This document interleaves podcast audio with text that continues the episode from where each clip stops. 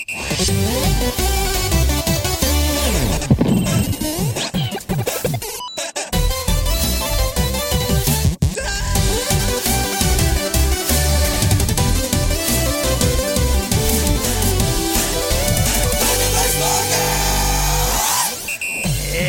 av de viktigste menneskelige oppfinnelsene vi har, er trekkbar krakk.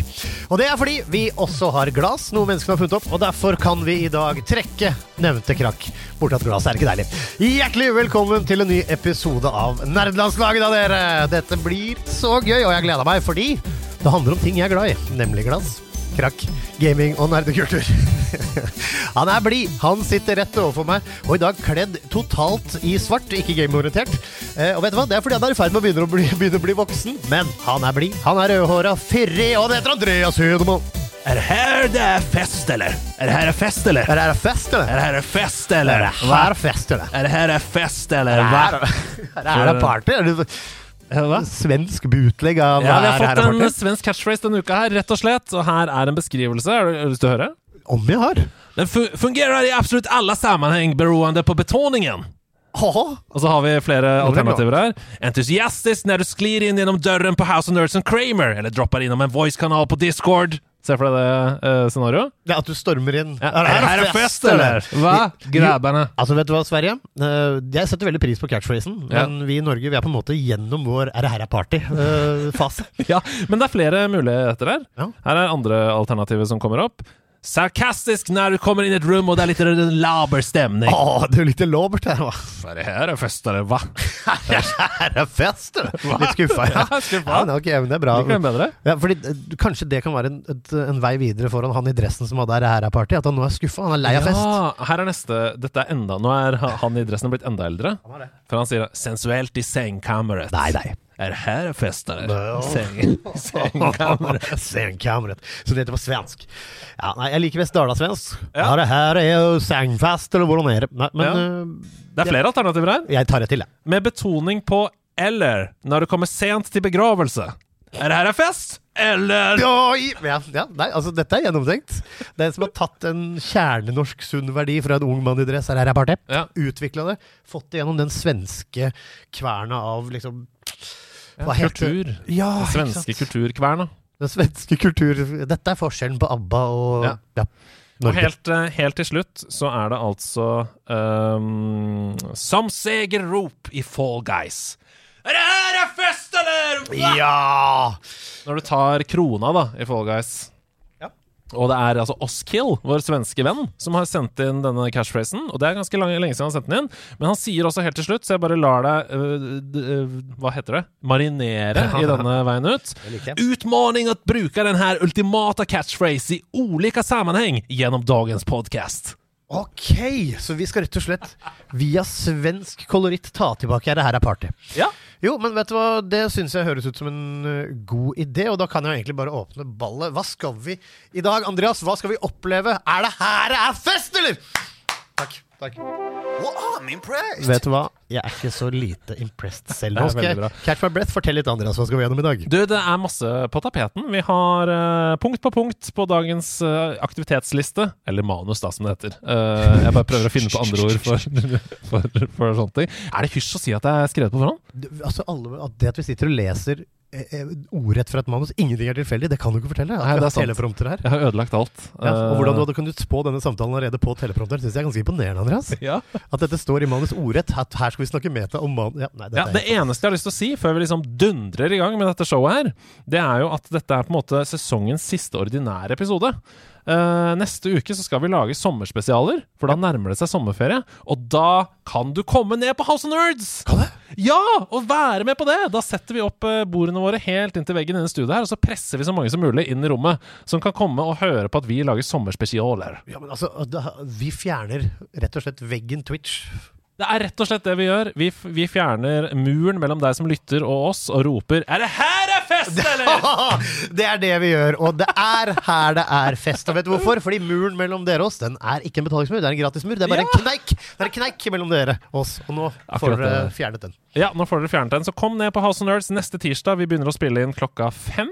Uh, og så holder vi på helt til halv åtte med å lage disse sommerspesialene. Men du som sjef og redaktør, så er jeg veldig glad for at du sa fem i spørrende form. Vi kommer tilbake med et mer presist. Nei, det er nok 17.00. Jeg la ut en Instagram-reel om dette i dag, så du kan gå inn og se der. Der er jeg sånn artig fjes inni en Gameboy. Jeg så det. jeg så det Og inni den Gameboyen, var det der var fest, eller? Ja, ja da, ja da. Det må ikke bli for mye. Det må ikke Nei, bli for mye, bli men for mye, men Oskil er fornøyd der han sitter oppe på Nordstrand. For han bor på Nordstrand. Ja, det er altså Nordstrand som kjent en svensk enklave. Ja da, absolutt. Vi tar inn ukas gjest. Er du klar for det? Og jeg gleder meg. Ukas gjest er stolt stril, og selv om han innimellom ser seg nødt til å si ting om igjen til folk som sier 'hæ?', så syns han det bare er gøy. Han kaster seg uredd inn i nye oppgaver, og enten det er å anmelde spill for Bergen Student-TV eller å hoppe etter Victor og Chris som programleder i FlippKlipp på NRK, så Naruto løper han lollen inn i oppgaven med all entusiasme i universet. For ukas gjest har et gaminghjerte av en annen verden og har titusener av spilltimer, ikke bare et gamingtalent, men også en brennende kjærlighet for hele spillkulturen.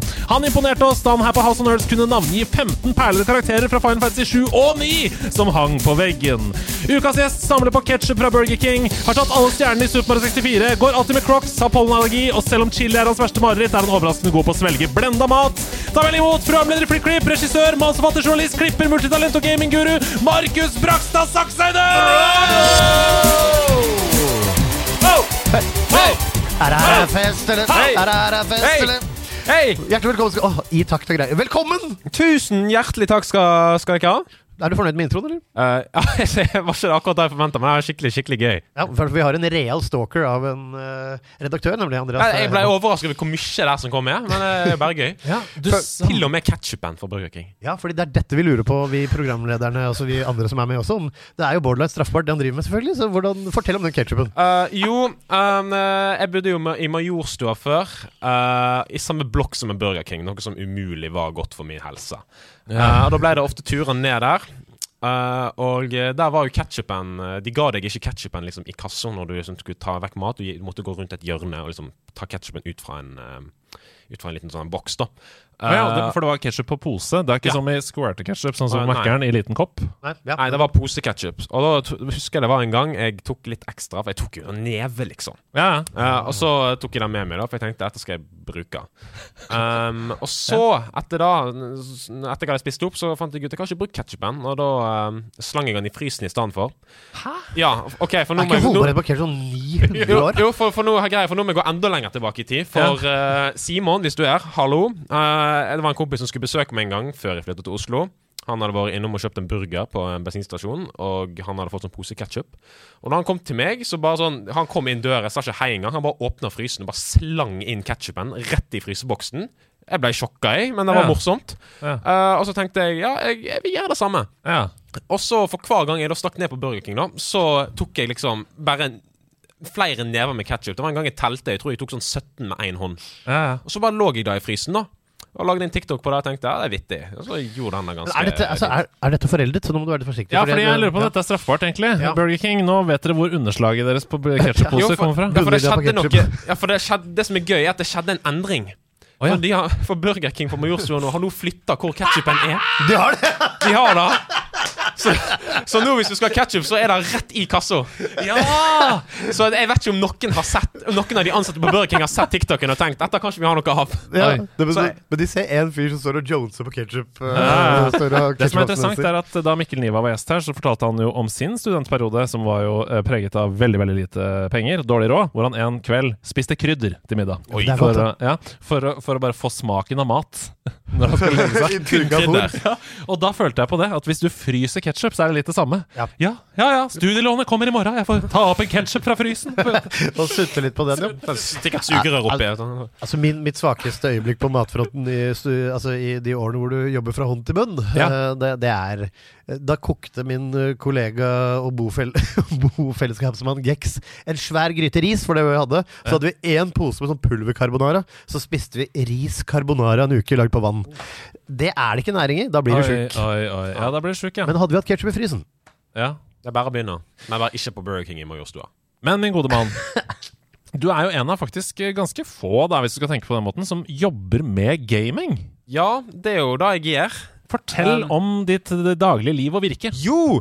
Jeg eh, jobber jo som profil og slash eller programleder for NRK FlippKlipp i NRK. Yeah! Jepp, jepp, Og statskanal. eh, Og Er du, er du pro statskanal veldig? Altså, jeg elsker at, vet du hva, som uh, Gerhardsen sa, det skal, være, det skal gi adspredelse. Og det føler jeg at det gjør. Helt enig. Unnskyld, fortsett. Ja, altså, vi, bare er, altså, vi er bare statsentusiaster, vi. Altså, Solidare Norge, altså. Herfra til Ja, ja, ja. Mm, hei, hei. Ja, eh, nei, vi lager jo gamingvideoer, og vi streamer, og challenge-videoer og mye sånt til barn fra 9 til 12 år. Ja. Og uh, da er det jeg gjør. Men jeg må bare si det, er, eh, det er veldig fint um, pinpointa sånn målgruppemessig at det er fra 9 til 12 år, men det er for meg òg, bare sånn at det er sagt. Ja, du ser på det, du òg, ja? Ja, jeg syns det er gøy. Du, altså, man kommer ofte opp over et flipp-klipp eller to, ja, som er Ja, ja. gøy. Altså, jeg, jeg skal være så ærlig å si at jeg er ikke klistra til absolutt alt, men det er mye som treffer. Ja, ja, jeg bare mener og, eh, Jeg er sikker på at det når enda bredere enn dere tror, da. Ja, det, det gjør det. Uh, Primærmålgruppa vår er jo da 9 til 12, men vi vet jo at det er jo håper jeg, både yngre og eldre folk som uh, titter innom, og det er jo, det er jo veldig kjekt. Ja. Nei, jeg har sett uh, kollegaer og bekjente på min alder som har hatt måkesangen på hjernen, Ja, så det fly sammen, som en måke Altså, al- al- altså det, ja, ja, jeg har to nieser. Uh, Shouta til dere. Og Ja. for å si det sånn, fjor sommer, den jævla måkesangen. Den begynner catchy, den, ass, men på 39. gangen på lørdag så er det klart du får lyst til å kvele hun som synger det. Men det er en veldig catchy låt. Så. Ja, ja, Nei catchy. Nei, men så gøy. Uh, hva, er det, hva er det du har lært mest av å være programleder i FlippKlipp? Du har jo gama hele livet, liksom. Men hva, hva er det som uh, har lært deg mest av den jobben? Hva som har lært meg mest av jobben? Um, det er jo for uh, første gang uh, Eller ja, det er jo, jeg har jo ofte drevet og lagd videoer. Liksom, ikke på en måte litt samme innhold som vi gjør i FlippKlipp, men eh, nå er jo vi en hel redaksjon. Og da å jobbe i lag og samarbeide for å lage å si, enda bedre ting enn det man, å si, man kan på en måte få til på egen Mm. hånd, da, er jo skikkelig kjekt og, eh, og givende. Og så er det jo òg veldig, eh, veldig veldig fint og de gangene vi går ut og møter fans. Mm. Um, og bare sånn hilse på dem og se liksom hvor glad de blir. Vi hadde jo faktisk en 24 timers livestream her på House of Nerds i, i september eller oktober i fjor, tror jeg. Og eh, da hadde vi jo invitert ti, eh, ti fans som var her og gama med oss i 24 timer. Og eh, da å se hvor glad de var, og liksom hvor mye de koste seg, er jo Se så, men se så glad vi er også. Legg Ja, merke til det er ikke jeg òg glad Ja, for. vi er veldig glad for ja. ja, for, nei, men altså nå, At du er her nå, var det jeg tenkte på. Jo, Og det var kjempe Det må jeg bare si, det var kjempegøy, den streamen. Uh, veldig, veldig bra. Vi, vi, jeg, jeg var jo med her og hjalp til å liksom rigge opp litt og uh, holde på litt. Du la ikke en god altså, Straks det er tolv timer eller mer, så er du på alle streams i Norge. Du, du elsker de greiene her. Du later som du er sliten på slutten. Hvis du, hvis du får nyss om at noe skal gå over tolv timer, så skal du være tekniker og fagmann og prest og prost. Det er veldig gøy. Men min kjære Markus-kamerat, la oss skru klokka tilbake. Hvor var det det begynte for deg? Hva var din aller første spillopplevelse? Eh, Min aller første spillopplevelse som jeg kan huske konkret, var bestefaren min, eh, som jobber med data og sånne ting. Han eh, viste meg Han fant fram et Flash-spill, av alt. Eh, og da var intet annet enn Ultimate Flash Sonic 2. Oi, oi, oi, oi, oi. Ja, toeren, ja. Um, og uh, da eh, traff meg. Uh, jeg er ikke så stor Sonic-fan nå, men da spilte jeg dritten ut av back in the day. Og etterpå da så balla det bare på seg. Vi har jo en spalte i nederlandslaget som heter Troféskapet, hvor vi innimellom leser opp en hyllest til spill, eller til oh. spillopplevelser, eller til helt sånn ting knytta til spillkulturen, da, sånn som mm. det å se på andre spille. Ja. Og jeg har jo skrevet et helt troféskap bare til Flash-spill. Ja. Fordi jeg syns det er så uh, Det er så underkommunisert hvor viktig det var. Vi Det var satt på PC-ene på skolen og holdt på med flashspill hele dagen. Newgrounds.com. Newgrounds, ja. 1, 2, 3-spill! 1001 spill! Ja, altså det, man spilte, og det var, Noen ganger så var det voldelige spill også, vet du. Og ja da, du visste aldri hva du fikk. og man kunne ryke inn i den seksuelle sfæren som ung mann nå, husker jeg. Og det var uheldig. I hvert fall på newgrounds.com. Det, var- det spurte om du var 18. Ja, sa jeg. Det var ikke. Nei, men ok, Så det begynte med Sonic 2, men eh, det var ikke et offisielt spill? det. Nei, det sånn var et fangame, eh, Ja. sånn Flash Sonic-spill. Jeg tror Det hadde kun to zones òg. Det var ikke Ja. mer. Så var det ferdig. Men det var fortsatt ja,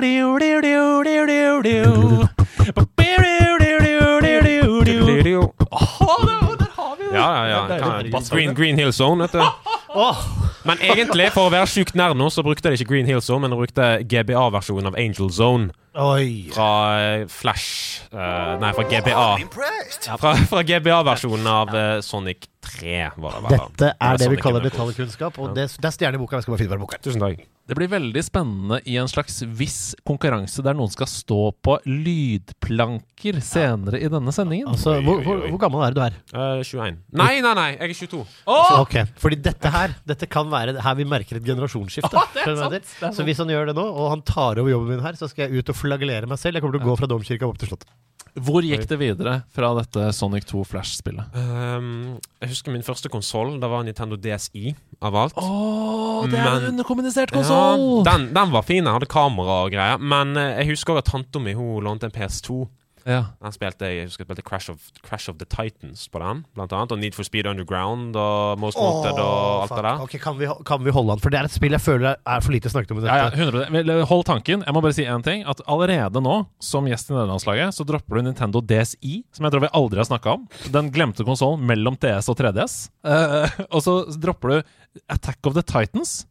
Nei. uh, Nei, Crash. Crash. of the Titans. Crash? Crash, Crash Bandicoot-spill, men du rir på sånne eh, greier. Det var ikke, det var ikke sånn superbra. Nei, men det er så blast from the past! Ja, men jeg kan ikke huske det. Altså, Hvorfor lever du i et eget Nei, spillunivers? det- jeg, tror ikke, jeg tror egentlig ikke det var et sånn veldig bra spill, sånn egentlig. Nei, nei, men altså, tanta, altså, det er så mange ting. Tanta liksom- di fikk låne en PS2, begynner du. Av hvem?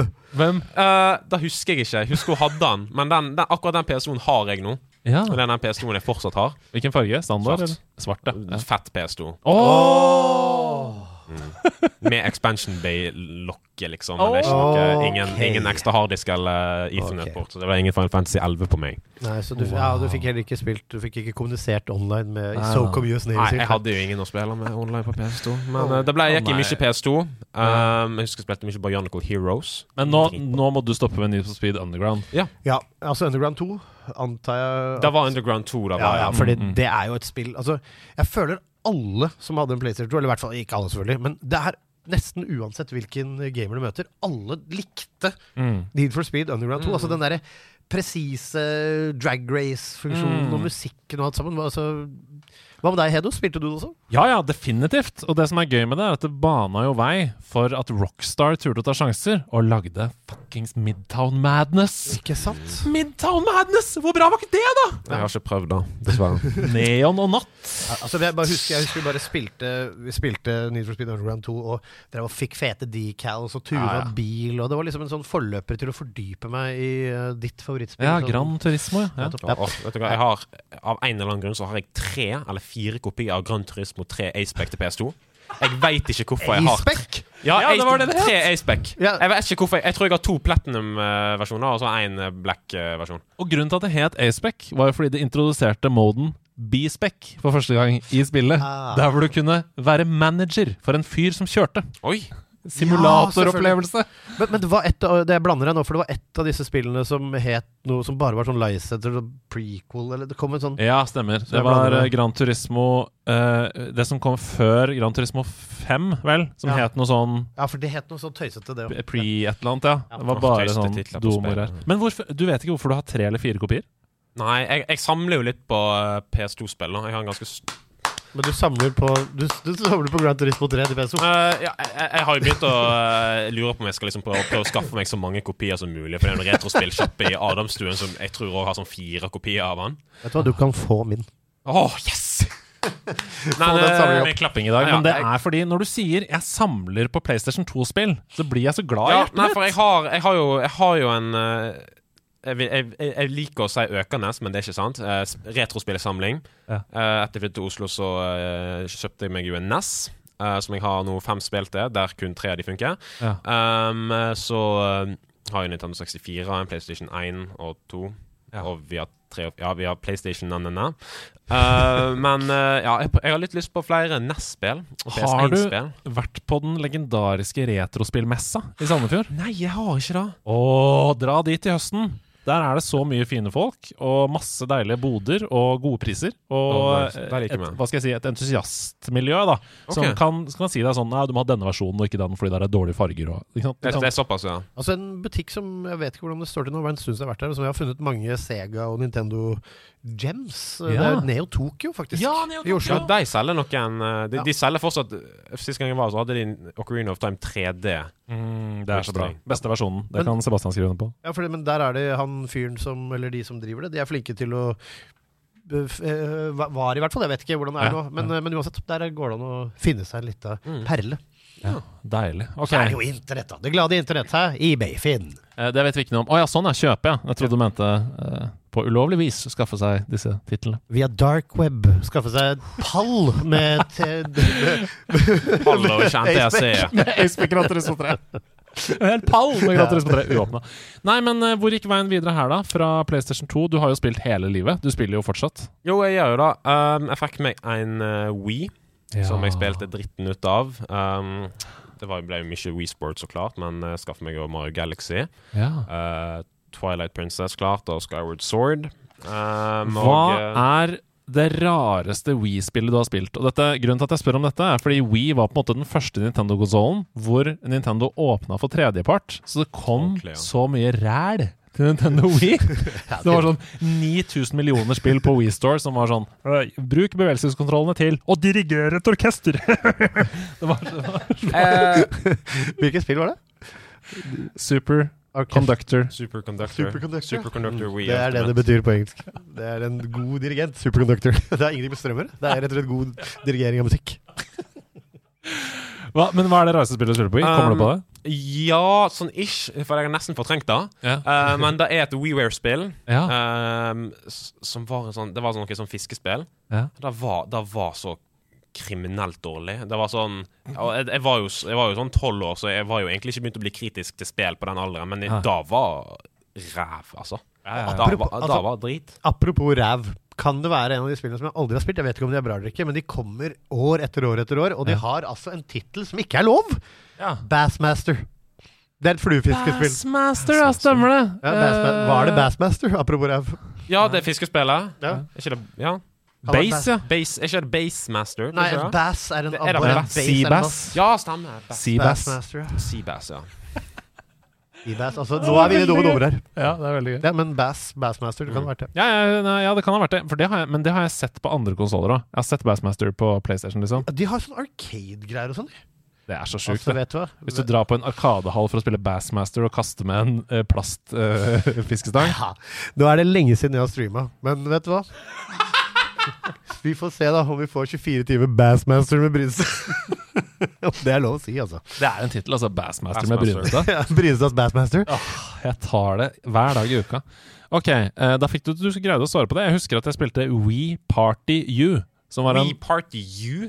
De, fantes det We Party til Wii U? Ja, som var ikke en offisiell Altså det var ikke Nintendo-spill, hvor du skulle ah. hakke løk, blant annet. Camilla var veldig Oi. god til å hakke løk på We Party U. Oh, ja, det har ingenting med Mario Party å gjøre, nei. Nei, nei. Å nei.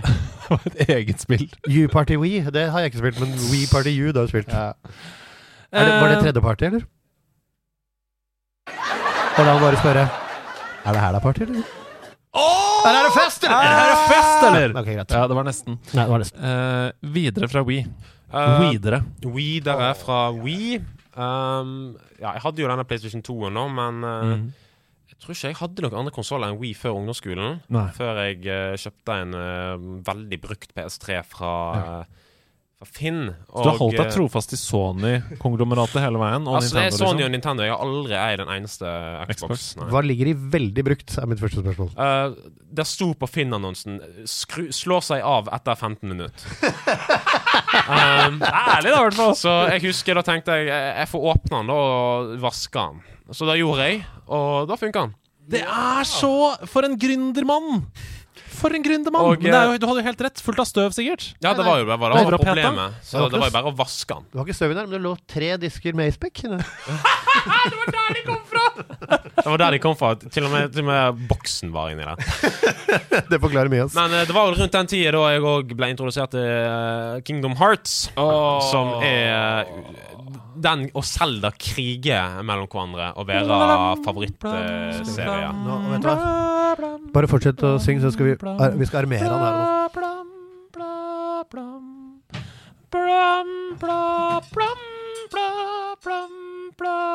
Åh! Vent, av metall? Nå fikk Markus servert et eh, Kingdom Hearts-sverd i Nei, hånda. det er ikke et Kingdom Hearts-sverd. Keyblade, Keyblade i hånda. Altså, la meg kommentere at idet jeg tok fram keybladet vårt her og ga det ham i hende Jeg har ikke Ja. sett en mann lyse opp sånn eh, på den måten på lenge. Nei. Ja, men altså, kan, kan jeg vise Nei, deg? nei, nei, nei, nei, nei. ok. hold an, hold an, hold an. For det kommer en spalte er senere der hvor jeg regner med at du har med deg noe som ligger til høyre her, så det tror jeg vi dropper enn så lenge. Jeg vet i hvert fall hva Instagram-bildet til denne episoden kommer til å bli. Ja, det vet jeg også. Ja. Det blir en slags eh, Battle of the Blades. Valor, eh, Battle måten. Nei, men Kingdom Hearts, hvorfor er det så viktig for deg? Du, um, jeg skal bare legge den for meg. Ja, Dette blir fint om det høres ut som det er langt unna mikrofonen. Tusen takk. Um, det var at uh, selveste Carl Martin Hoksnes Ah, hei, Carl. Uh, hei, Carl.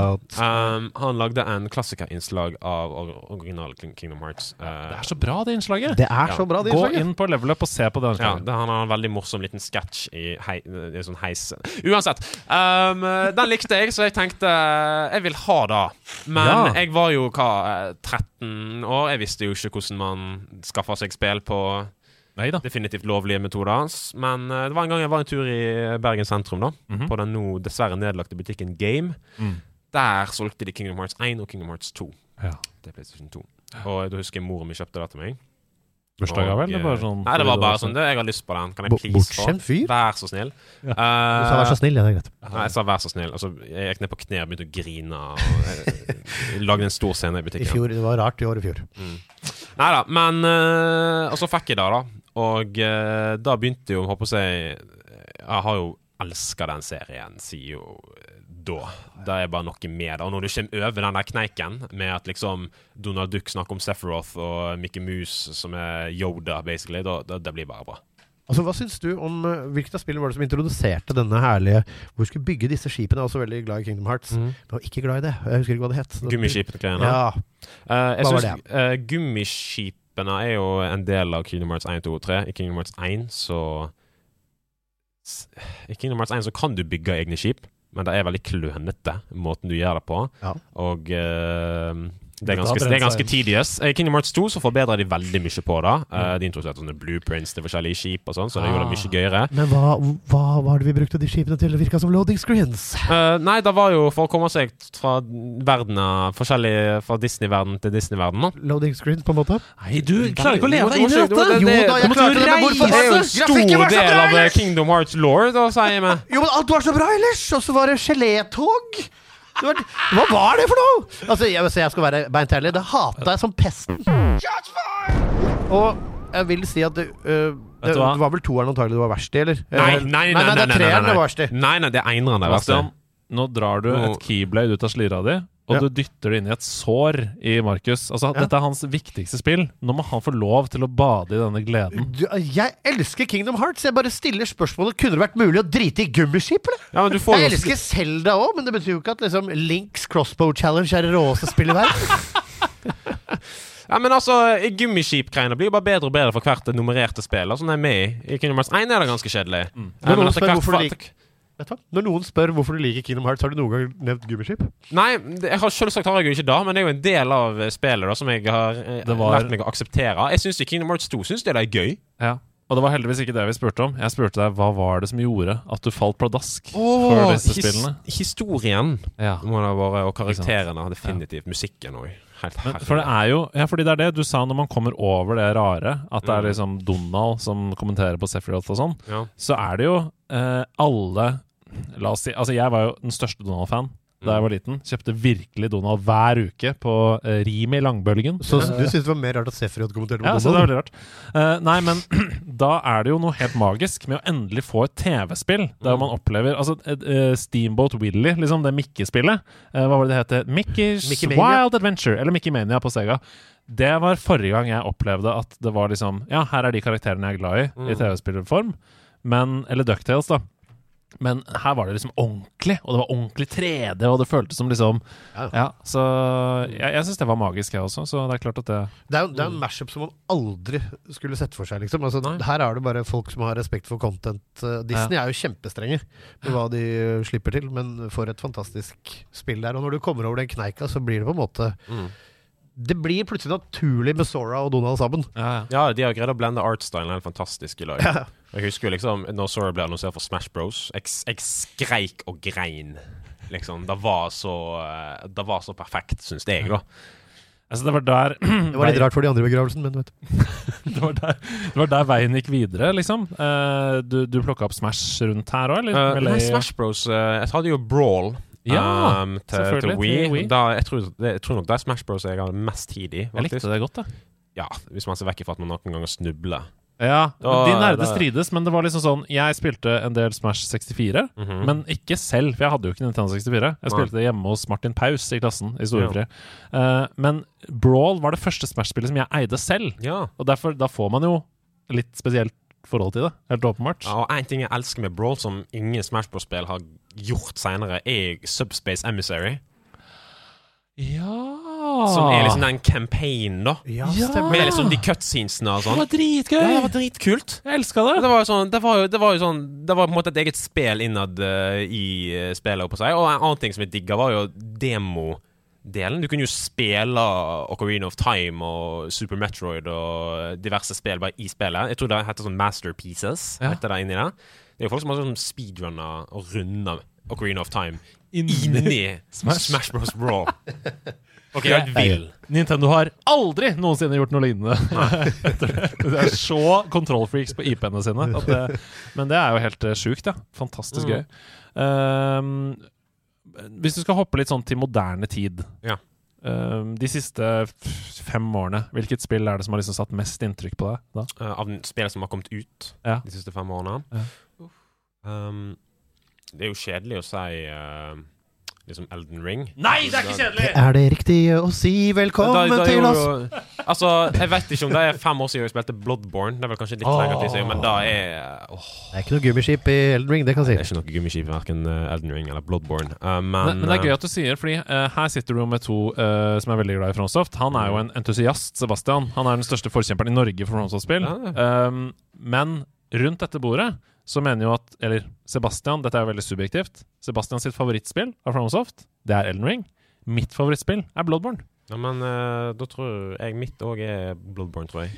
Nå skal det sies at det kommer helt an på uh, hvordan du ser på det. Fordi Ja. det er mitt favorittspill i Fromsoft er jo selvfølgelig det første Demon's Souls. Ja! Er? Til PlayStation. Altså første opplevelsen er, Ja, er den selvfølgelig. råeste. Det er som Lemmy sa. Ja. Uh, den første musikken du hører, kommer aldri til å ha noen konkurrere Ja. med. Ja, Liksom. for det er følelsen av det og sånn, men jeg ser jo at det er forskjellige spill. Men uh, hvis jeg skulle trukket fram to også nå, da, fordi Dark Souls-spillene er veldig glad i de. Mm. Men når Elden Ring først kom, så er det Elden Ring Elden Ring. Det er bygd på Dark Souls. Mm. Og det har på en måte hentet mye fra Bloodborne også, men det er minst Bloodborne representert i Elden Ring. Mm. Ja. Og derfor så har jeg også Bloodborne og Elden Ring som Ja. Ja, de er ganske uli ulike sånn sett. Ja, det er Jeg husker Bloodborne var det første Souls-spillet jeg uh, var borti. Mm. Så har jeg jo òg spilt Dark Souls 1. Elsker det. Fantastisk spill. Og så var det Dark Souls 2, og da har jeg ikke spilt ferdig. Mm. Datt litt av der. Det er jo, det er jo ikke helt samme folk som lagde det. Kan anbefale hvis du datta den første, for den, den har noen sånne kneiker. Eh, Scholars of the First Sin, som er en remix av den, og Mm. litt sånn re-envision. Det er Ja, for jeg har den der Dark Souls-trilogien til PS4. Ja. Um, så jeg har jo tenkt å pløye gjennom det på et tidspunkt. Mm. Men jeg har jo egentlig et sånn ekstra sterkt forhold til japanske spill, sånn egentlig.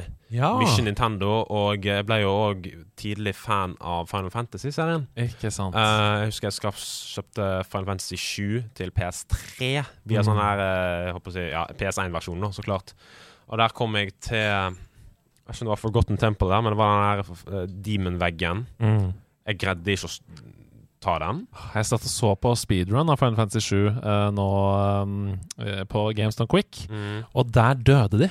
På Demon Wall. De døde på Demon Wall. Ja. Ja, men den er jo grusom. Ja, det er helt sånn herre De bare What? What? Hva skjer nå? Hva skjer nå? Og så bare No! Så måtte de ta den på nytt. Hadde de security save, eller? eh, Eh, nei, nei, nei. De, måtte, de mista liksom noen minutter der, da. Men, men det var helt sykt å se på at til og med de beste speedrunnerne i verden kan liksom fucke opp på Demon Wall. Ja, Demon Wall er, eh, er felen, altså. Men jeg plukka det opp seinere, da. Har jo runda det i nyere tid. Og tror jeg er enda større fan av, av eh, Final Fantasy 9. Jeg tror det er sånn på topp tre av spill for meg. For La oss liksom, hoppe er, dit. Ja, for det er liksom de, de to som ofte nevnes. Mm. Ja. Ja for, for, Stian er det ti, vet du. Final Fantasy 10 det er hans favoritt. Ha, ha, ha, ha, ha, ha, You shouldn't laugh like that. Ha, ha, ha, ha, ha! Nei, Den er til deg, Stian. Den. publikum hiver seg på. Det hørtes Eller er det fest, eller? Her er fest, eller? Her Nei, er men fest, eh, ja. La oss hoppe dit. For jeg, jeg skrev, en melding til deg i researchen. Dine liksom, topp tre spilleopplevelser som ikke Ja. trenger å være de beste spillene om tidene, Mhm. men bare tre som har satt seg merke, bitt seg merke i deg. Ja. Så vi skal begynne på nummer tre. da Hvor skal vi da? Oi, vi skal jobbe oss oppover? Ja, vi må jo det. OK. ehm, jeg tror jeg kan på tredjeplass. Det er et øyeblikk i Kingdom Hearts 2. Første gang jeg spilte det. Ja. For dere har jo spilt Kingdom Hearts 2. Nei. Du har spilt Kingdom Hearts Ja, 2. jeg har spilt Kingdom. Hearts. Ja, ok, det er, Da var jeg 13 år. Um, da var jo ja, Jeg tror ikke PS4 hadde kommet ut, så liksom PS2 var jo den nest nyeste generasjonen. Mm, mm. Og det er når du er ca. halvveis ferdig med spillet Jeg trodde jeg nærmer meg ferdig, men du skal til Hollow Bastion Mm. og finner jo ut uh, på å si, hvem Zemnes er, og at uh, lederen av Organization 13 er Nerds in Nobody alt det der. Mm. Og så er det den cutscenen, da, um, der rett før du skal slåss mot de 1000 Heartlessene. Ja, Ja, Den, ja, og den cutscenen der Og dette vet jeg. sånn. Bare sånn at jeg, jeg har ikke spilt det, men jeg har jo sett speedruns på Games on Quick og, Ja. og sånne ting, så jeg har sett veldig mye av spillet, og Let's Plays og sånt, så jeg vet hva du snakker om, altså. Og da, og liksom, da gikk opp for meg at det, det er 1000 stykk Det er 1000, og du skal ta alle sammen. Da, da, da var så stort for meg. Og så I tillegg da, så eh, er jo da den eneste Musikken som er brukt der, er jo den eneste orkestre, faktisk orkestrerte musikken i Kingdom Hearts 2. Ja. Tror jeg, bortsett fra sånn credits opening og sånn. Ja. Så da at det var sånn faktiske instrumenter, og ikke håper si, sånn midi PS2-musikk òg, hjalp jo ekstremt. Wow. Altså, det er et uh, crescendo om jeg noen gang har hørt et. Uh, Mm. altså, du var 13, var det du sa? Ja, Jeg var 13-14. 30 jeg da, eller 28 eller noe sånt. 100 Heartless! 1000! Også ekte strykerinstrumenter her, ja. Wow. Ja, men det er jo et, Jeg skjønner at det brant seg inn i et ungt Mm. guttesinn. Ja. Har du eh, for øvrig spilt sånn Dream Drop, drop, dream drop Distance? Jeg har jo spilt, jeg har jo spilt uh, alt. Dream drop Distance har jeg ikke fullført, men jeg har jo sett alle cutscenesene til det. og sånt. Men jeg skammer meg litt at jeg ikke har runda alle Kingdom Hearts-spillene. Jeg har jo ikke spilt så mye av DS-spillene. Jeg har sett cutscenesene til 358 Over Two Days og Recoded. Eh, men ellers har jeg jo spilt og runda Birth, sjukt Birth si. by Sleep Altså, og Jeg eh, skammer meg litt over at jeg ikke har runda alle spillene. Men jeg har sett alle cutscenes. Altså, det, er, det universet der er så convoluted og vanskelig er å følge med på at det jeg syns det er sykt Altså- imponerende altså, at du en, har gjort det. Jeg synes det er gøy Den ene tittelen til ene spillet er faktisk Kingdom Hearts 0,2 Birth by Sleep A Fragmentary Passage. Det er et så tullete navn på et spill. Jeg syns det, altså, vet du hva, jeg syns det er catchy. Ja, det er, det er, det er det? Det det? ruller av tungen! Hva er det forkortet? Oi, hvis man skal forkorte det? Ja, med forbokstaver, er det noe der? Eh, k- eh, nei, det blir vel KH 0,2 BBS eh, AF Nei, P. Så, AF AFP? AFP, ja. AFP, ja. Pensjon der på slutten. Aldersbefestet Ja. pensjon. Mm. kanskje det er et slags kommentar? ja. Ja, Mm. eh, tipper det. Ok, men da er vi ferdig med tredjeplassen. Tredjeplassen. Da, andreplassen Ja. Det er Det kriger litt mellom første og andreplass. Oi, det var ikke meningen å så fing. Det var ikke, duel. Um, duel. Så tenk at det på en måte er delt, men nå velger jeg å ta denne Kingdom Hearts-delen til. Um, Bra. Fordi poenget med lister er å rangere. Jeg sier det til dere som hører på nå. Hvis man ikke klarer å rangere, så er det ikke noe poeng med lista. Nei. Noe må være 3, 2, 1. Det går ikke an å si 'på andreplass har jeg fem', og på førsteplass har jeg sju spill'. Det er ikke lov. Altså, Det, det går an å si Jeg har en hel er spillserie på førsteplass. Ja. Da er det ikke rangert. Enig. Jeg liker at TV-spill generelt er på første. Lista mister sin verdi. Så det er bra at du tar et standpunkt og sier andreplass. Andreplassen går til et uh, Ikke et in game-øyeblikk engang. Uh, det var nok Kingdom Hearts 3 kom ut. Ja. Det kom ut i 2019. Jeg tror det var 29. januar. Jeg husker det. Eller så var det 21. januar. Eller så var Så det deilig. 19. januar. Det var i januar en gang. Jeg ble så glad. Um, og da spillet tror jeg ble jo annonsert mange år før. Det var jo Ja, i development hell, på en måte. Men eh, alle som likte Kingdom Hearts, alle var jo hypa for Kingdom Hearts 3. For det skulle, Altså- det skulle jo være slutten på liksom, Xehanort-sagaen. Stian satt klar med klokka. Ja, Og jeg, bare- eh, jeg husker jeg stakk på det nå stengte platekompaniet og ja. skaffa meg min kopi der. Stakk hjem. Mm. Og jeg putta det i PlayStation. Uh, Åpna spillet, og eh, menyen kom nå. Og den nye versjonen av Dearly Beloved som jeg aldri hadde hørt før, Mm. begynte å spille, og jeg begynte å grine. Ja, det hadde jeg hørt òg. Ja, det, altså, Uh, det, var, det var bare så sterkt, til tross for at det er jo ikke mitt favoritt Kingdom Hearts-spill, egentlig. nei. Uh, men da, da bare liksom det er som å få en Liksom, av ja, en gammel venn. Liksom, Liksom. endelig er det her. Ja. Noe jeg kan spille da. Og uh, det var helt enormt sterkt, husker jeg. Men det var jo det som skjedde med meg også, da jeg starta uh, Tears of the Kingdom. Mm. Og uh, dette hvis du, hvis du syns at dette er en spoiler, ja, da får du høre på en annen podkast. I, I starten, etter at man tar de første shrinesene i Tears of the Kingdom, så, så hopper man utfor kanten. Dette er etter Ja, det er én time. Det er ikke en Fytti spoiler. katta, Det er ikke en spoiler. katta. Det var i er si. Og det var i traileren. Og når Link da ligger i stjerne der i lufta og flyr nedover, og uh, musikken begynner å spille Tårer! It's det well- er- Tears of, det det er da som var The Tears of the Kingdom all Ja, along. for det er jo alle Oi. Det er jo alle eh, Zelda-opplevelsene i ett øyeblikk. Altså Det er hele Breath of the Wild for meg oppsummert. Det er Ocarina of Time. Det er alt av min Zelda-historikk Det såpass, som ja. kommer ut av øynene mine da når Ja. jeg ser at Link ligger i stjerne i lufta der. Jeg- Så det, jeg skjønner det Det øyeblikket. var, det var et øyeblikk i Tears of the Kingdom som fikk Det meg manglet noe Spirit Tracks, bare, akkurat det øyeblikket. Bort fra det. Blåse litt i mikrofonen. Det er det som eh, mangler. litt uh, Zelda Wand of Gamelan òg. Nei, nei, nei, nei, Faces of Evil og nei, Zelda's nei. Adventure. Hvor var Cancel, of. Gamelan? You kill Nei, ja, jeg skal ikke begynne å sitere den. Men her, vet du hva? eh, I, det er så mye fysikk, og du kan feste ting og sånn. Det er helt sikkert noen som har laget Wand of Gamelan. Ja, garantert. Inni selve spillet, ja. ja. La oss gå til førsteplassen. Førsteplassen vet, Det er liksom et Det er et spill som på ingen måte er på, liksom, på noen topp ti-lister for meg, tror jeg. Og det er et spill som ikke er liksom kjent for å være dritbra. Men da er fra Final Fantasy 15, hvis Mm. noen har spilt det her.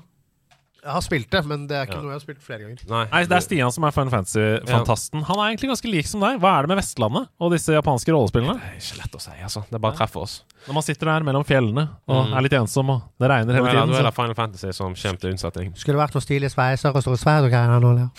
Pene mennesker med øyne og sånn. Skulle vært det, da. Altså. Hei, Janne meg, altså. Hæ, Stian? Hvor er du her? Det er liksom japansk anime og buekorps. Det er det dere har der oppe. Ja, nei, det er, det er Stian som er fantasten, så vi kan ikke chime inn der. Men vi, som sagt, nok en gang, vi har veldig kulturelt forhold til det. Ja, jeg tenker å bare si det ut, og så eh, de som hører på, som uh, håper å si catcher på det, fint Mm. for deg.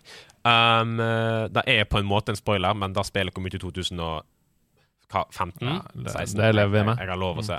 Um, eh, etter du, du reiser til um, Altisha, eh, Mhm. den der eh, sjøbyen, Mm. og uh, Luna Freya hun blir jo eh, stukket og drept av Arden. Og Noctis ligger der liksom eh, si, uten tvil, uten, uten måte å um, gjøre noe med det på, da. Uh, men uh, liksom i en last act da så bruker Luna Freya liksom kreftene hennes til å liksom, Sømmen av sånne spesielle våpen som du begynner å samle på tidligere i spillet. Det er 13 totalt. Og eh, på et tidspunkt eh, Og da får du, da, Noctis Du får liksom alle rundt deg, og du blir liksom Det er sånn, sånn, sånn gud da, in game. Og det er en sånn bossfight som det, det, det, Den gjør en sånn ting som jeg er veldig glad i når spill gjør, og det er når det er bossfights som på en måte er umulig å tape i. Der det liksom, du kun skal være kul. Det er liksom bare spectacle. Mm. Og jeg husker når den bossfighten begynte, og liksom jeg var så mektig i det spillet. Og jeg husker jeg bare satt og måpte. Nå sitter Liksom Markus og hele tiden, det, var, det, var, det var så vilt, akkurat den bossfighten der. Og sånne bossfights, da, så du beskriver det, det er så digg, fordi når det treffer riktig, Mm. så er det fordi du har kjempet opp, du har gjort deg fortjent. Alt det du har gjort og jobbet med nå, det kumulerer dette her, hvor du bare tar igjen og er en Mm. power. Og det var jo um... Nei, nå glemte jeg helt hva jeg skulle si. Det datt jeg helt ut. Ja, men ja, men det var kult. Det var, det var veldig bra. Det høres ut som en Yes. helt uh, fantastisk kul opplevelse. Og det, det er som du snakker om. uh, jeg har hatt det sånn i Bajonetta, jeg har hatt Mm. det sånn i Elden Ring. uh, at når jeg ikke lenger går inn med redsel i bossfights, men jeg går inn med sånn Nå skal jeg vise fram alle de nye, fete tingene jeg har lært Mm. meg. Å, det er så deilig! Når du kommer deg dit! For du er ofte redd, og når du slipper å være det i spill, da koser du deg, Andreas. Det er helt riktig. Når du har fått det nye munnstykket på høytrykksspilleren din, så du er ikke redd for at du skal få bort bøsset fra terrassen. Oh, nei, men Deilig. Jeg føler vi har et veldig godt inntrykk av deg som gamer nå, Markus. Eh, gleder meg til å prate masse mer med deg om spill. Hva er det du spiller nå om dagen? Hvis du skal Oi. tenke liksom det siste halve året, da. Siste halve året Nei, Ja, det er jo, ja, det, du spiller jo dritmye, da. Så Jeg har jo nylig runda 100 timer i Tears of the Kingdom, men eh, ja, du er gjennom, du. Rett og slett. Ja, jeg ble ferdig på rundt sånn 90 timer. fantastisk. Ja. Uh, tatt alle light rootsene. og Ja, nå må ikke du spoile det noe sorry, som sorry, ikke sorry, folk sorry, vet om. Eh, sorry. Fordi denne katta her henger langt bak, så la oss snakke om noe annet. Ja, nei, men Um, det, det, ikke, altså det jeg kan si, det er at um, jeg, har, jeg er ikke i nærheten av å være ferdig. Nei, okay. um, og det er fordi det er jo mange ting å gjøre i det Mm, spillet. Det veldig Nå prøver jeg å være veldig eh, vag. Uh, men hvis du skal si noe Hvordan vil du rangere det, liksom, i Zelda-serien? Uh, som en av dine Zelda-opplevelser? Ja, så der har jo jeg um Jeg har en kontroversiell mening Ja. som jeg skal spare til Ja, til det nærmeste strides, ja. Ok, Ja, ok, ok. Uh, uh, Tears of the Kingdom er det beste Zelda-spillet. Ja. Sånn på en måte objektivt, men jeg kommer, kommer tilbake til ja, Vet du hva, jeg tror vi venter med å svare på på å det. svare på det. På Men på det. eh, sånn ellers så, Du har kost deg veldig med det, i hvert fall. Ja, men de siste ti dagene har jeg faktisk ikke kunnet spille i det hele tatt. Nei. På grunn av for elleve dager siden så datt jeg på elsparkesykkelen. Au a meg igjen. Ja, jeg skulle være kul og skrense. Ikke gjør det. Nei, ikke vær kul og skrens. Um, spesielt ikke foran din uh, medprogramleder-kollega Tonje Gilje. Um, rett utafor NRK. Um, Han prøver å imponere etter jentene. Etter du er ferdig Ja. på uh, jobb Men Klaus viser Wiese så også på, altså. Det, oh, ja, ja, ja. Nei, da, da datt jeg og tok imot all kroppsvekten min med venstre hånda. Så jeg datt og forstua hånda mi noe fælt, og hadde da gips på i ti dager. Så den fikk jeg da av i går. Så nå kan jeg spille, men eh, jeg er jo ferdig med Tears of the Kingdom nå, Ja. så jeg har jo faktisk kjøpt inn tre spill. Ja, Fysisk. Jeg er jo veldig glad i fys spill fysisk. og sånt. veldig kult. Uh, så jeg har kjøpt Fire Emblem Three Houses. Bra, gøy. Jeg, jeg har kjøpt uh, Near Automata. Oh. Og jeg har kjøpt Persona 5 Royal. Ok. Å, det er, Så du har jeg timer jeg, har, jeg, timer jeg for har plenty med ting å gjøre i sommer. Det som er gøy med det, da, jeg tar gjerne imot en rapport inne på Discord, for det er tre spill som jeg også tenker sånn Disse burde jeg spille, men så har jeg ikke spilt de. Du, du, du får adde meg etterpå, så kan jeg holde deg oppdatert. Om jeg skal adde det. Det er så gøy å bare si sånn Nå er jeg ferdig med Tears of the Kingdom, så da kjøper jeg meg tre spill som hver er 200 timer. Ja, men ikke Eh, bare da, for jeg eh, kjøpte òg to spill online på Switch. Eh, så jeg har skaffet meg Cuphead ja. og Ori and the, ja, Blind Forest, ikke Will of the Wisps. Vi hadde hatt en trivelig spillkveld, ikke bare kveld, vi hadde et trivelig spillår sammen, vi. Spillår, ja. Okay, altså, Andreas, du, du har en buffé av deilige ting her. Nå kan jeg Mm. se at du fikk en liten twitch. Hva med et år i strekk stream? 365 dager stream, Andreas. Da er Ja, da, da får vi leversvikt, hele gjengen. Uh, så det tror jeg vi må stå over. Det er det som ryker først. Ja, det er det Big, som sånn Big Brother-produksjon. Eh, Alle får sånn House gule øyne og bare Ja, nå må vi gi oss. Eh, Nei, det var det jeg skulle si, at um, eh, av de tre spillene som du nevnte Mm. Når jeg ser på deg, liksom, så Sebastian, så er jeg helt sikker på at Near Automata er det som er nærmest for deg. Det tror jeg også. Og jeg har sett det som ja, Vi har sett speedruns av det. Vi har til og med Ja. sett, sittet og kommentert underveis. Altså, det er et spill jeg har kjempelyst til å spille, men så Mm. har jeg sett det så mye, og så er det jo en del spill. Plikt, Ja, ja. og det kommer så mye bra, så det er bare Ja. ligge i eteren. Men det skal jeg spille. Jeg har spilt det ganske mye, og jeg liker det veldig veldig godt. Um, det er jo uh, føles som Returnal møter Fromsoft, liksom. Oh. Rett og slett. Det gjør det. Ja, men det høres jo bra ut, da. Ja, Nei, men Så kult. Da vet vi hva du skal spille. Det blir mm. veldig veldig gøy. Uh, skal, jeg tror vi skal swipe over til deg, Sebastian. Hva er det du spiller om dagen? Nei, altså Jeg har jo da drømt om å komme i gang med dette Tears of the Kingdom, men Ja. så kom det et spill som het Gollum. Det er klart det kom. Eh, som jeg Game var så heldig, som jeg heldig og fikk anmelde. Uh, Og Markus kommenterte faktisk det før vi gikk live i dag, at han var så glad for at det var noen norske medier som tok tak i det spillet. Ja, da, eh, NRK gjorde det ikke. Nei. Så det, jeg tok en for landet der, vet du hva. Så purpurhjerte har vi det. Var det 15 av 11 du ga, da? Uh, Nei, 15 av 100? eh, Ja, det var noe sånt. Ja. Ja. Altså Kongens fortjeneste. Deler de det ut den når du tar en for laget, er det ikke sånn? Jo, jo. for. Ja, men det var den, og så tenkte jeg nå, endelig! Nå blir det Tears of the King. Farger! Og Liv! Farger, liv, glede. Deilig! eh, Det er liksom komplett motsatte av det Gollum er. så- Eh, ja, så jeg gleda meg, da. Jeg gleda meg stort. Helt Og så ut tikker det inn fra redaktør og eller gledesdreper Andreas Hedman. Nå har det kommet et nytt Amnesia-spill, Sebastian. Skulle noen tatt det, eller? Og alle veit at kommer aldri til å ta det. Og jeg liker jo sånt, så det jeg har spilt i det siste, er Amnesia. Men eh, nå skal ikke jeg forgripe meg på anmeldelsen som Nei. kommer i denne episoden, men uh, uh, Vil du at jeg skal si noe som helst om det, eller? Nei, det jeg syns er spennende, for det vi snakka om før du tok det, det var jo at Amnesia var jo på en måte et um, indie survival horror-spill som egenhendig, sammen med liksom Slender og kanskje Five Nights at Freddy's, eh, og dro opp survival horror-sjangeren igjen. På et sted hvor den lå liksom nede med brukket rygg. Og det er mange som har sett veldig fram til Amnesia The Bunker, og jeg syns det er spennende at de har tatt den der første verdenskrig-approachen. Oh. Eh, Som er sånn Å, jeg prøver å flykte fra eh, i trenches, og så flykter jeg inn i et eh, tilsynelatende trygt sted. Oh. Men der Jeg bare likte det anslaget. Jeg syns det hørtes spennende ut. Ja, det gjorde jeg også, og det var Jeg har jo elsket uh, alle Amnesia-spillene. Jeg Mm. syns de har vært fine. Og ja, Nå skal jeg ikke forgripe meg på anmeldelsen, men uh, dere får høre hva jeg syns der. Men dette var jo en ganske sånn konsentrert opplevelse, så tilbrakte fem-seks timer Mm. i det universet. Og det, og det får vi mer om senere. Ja, det blir spennende.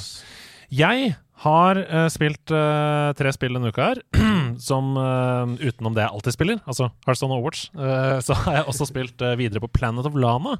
Ja. Et nydelig lite indiespill som minner om Brothers. Uh, et Tale of Two Sons i liksom uttrykk og stilen, da. Um, det er rett og slett et puzzle-plattformaktig spill som er uh, indie, en indie-perle. Ligger på GamePass, så hvis du liker den typen spill Jeg har snakka om det før i nederlandslaget. Uh, ta og plukk det opp. Um, så jeg tre- trenger ikke å si så mye mer om det. Så har jeg plukka opp to spill som jeg aldri har spilt før. Det ene heter Inculinati. Inculinati. Er dette et slags matspill? Nei, men det kommer fra din favorittprodusent, Didalic Entertainment. Nei. Er det du sier nå, at jeg er blitt snytt for et spill fra gladgjengene Daidalek? Til Daidalek sitt forsvar, da. De er jo helt nye. Ja. Og du må, vi må ikke, må ikke radbrekke noen som Nei, men- har prøvd og feila. Men Daidalek har jo lagd eh, andre spillopplevelser før som har vært kjempebra. Eh, de har eh, faktisk lagd Jeg husker ikke hvilken spillserie det er nå, men det var folk som hadde forventninger til Golden-spillet nettopp fordi det er eh, spill 1 og spill 2 i en strategiserie de har laget før. Men anyways, her på dette spillet som jeg har spilt nå, så er de bare utgiver. Eh, Inkulinati. Inkulinati minner om eh, Pentiment i stilen. Altså Det er en sånn middelalder 1500-talls tegnestil, hvor du ser, uh, det ser ut som du blar i en bok. Og poenget er at det er Slay the Spire i den stilen. Ah. Så du, eh, du på en måte eh, Du møter i PVE, da, i, i, det er fortsatt i Early Access, det spillet, men det ligger på GamePass, så du kan laste ned og teste det ut. Du, du møter eh, strategibaserte kamper. Eksempel en uh, priestess som sitter na, na, na, na, som i 1500-tallsstil, og så tegner hun i, på sin side av boka uh, armies, altså minions, som fighter for henne, f.eks. eksempel Og så er du på andre siden av boka og tegner dine. Og så fighter man mot hverandre. Du har attacks, du har uh, så og så mye HP, sånn som i Sånn som i Slay the Spire. Eh, og så er det strategier som gjør at du kan vinne spillet eh, hver runde eller ikke. da. Så det er på en måte slags litt mer stillestående, strategibasert Slay the Spire i Pentiment 1500-tallsstil. Så det er så mange altså Vet du hva, den beskrivelsen Den gjør at jeg, jeg, får, jeg får ikke lyst til å spille. Nei, men sti det er sabla stilrent. Altså, det ser så bra ut. Um, Men er det gøy? Ja, det er det. Og spillet kjører veldig bra, så hvis du er glad i den typen spillopplevelser, altså uh, type uh, strategi, kort, uh, Slay the Spire-aktige spillopplevelser, så er det helt eh, kanon, rett og slett. Veldig, veldig bra. Så det siste spillet jeg har spilt den uka her, det er helt utrolig at det har gått meg hus forbi. Jeg kan ikke fatte at jeg ikke har fått med meg dette før. Det er et spill som heter Portal Stories, kolon Mel. Er dette uh, i Portal-universet? Ja! Portal, det er altså, er! Er det nytt? Nei! Det kom i sånn 2020-2021. Og Portal Stories er en indie fanservice-spillserie, ikke sant?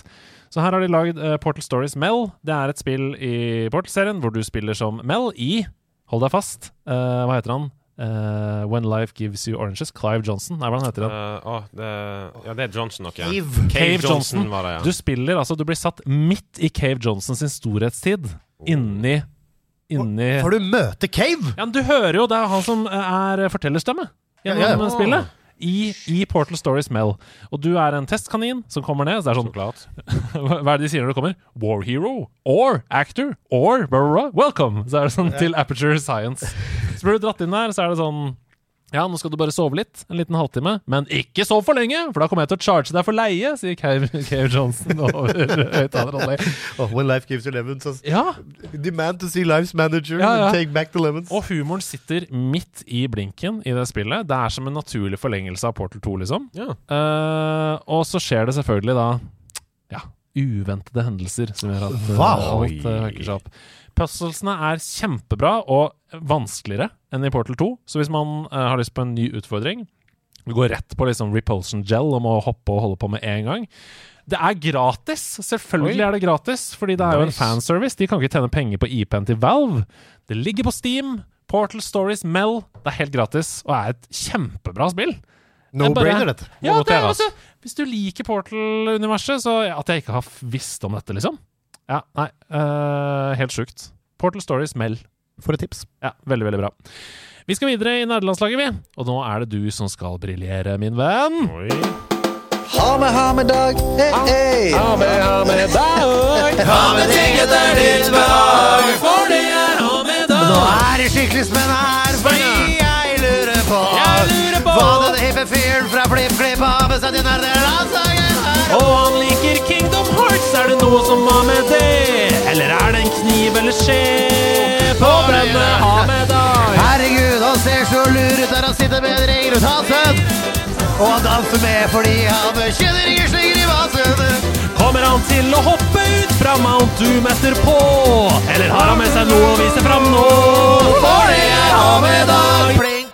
Hva har du tatt med på Hamedag, med dag, Markus? Skal jeg vise da? Skal jeg ta, ta Ja, ta det fram. Jo, det er ikke noe å vente på. Det er så gøy, skjønner du. For da Hva er det du bør Neimen! Nei! Det er Keyblade! Det er Keyblade! Det er en keyblade! Det er en keyblade.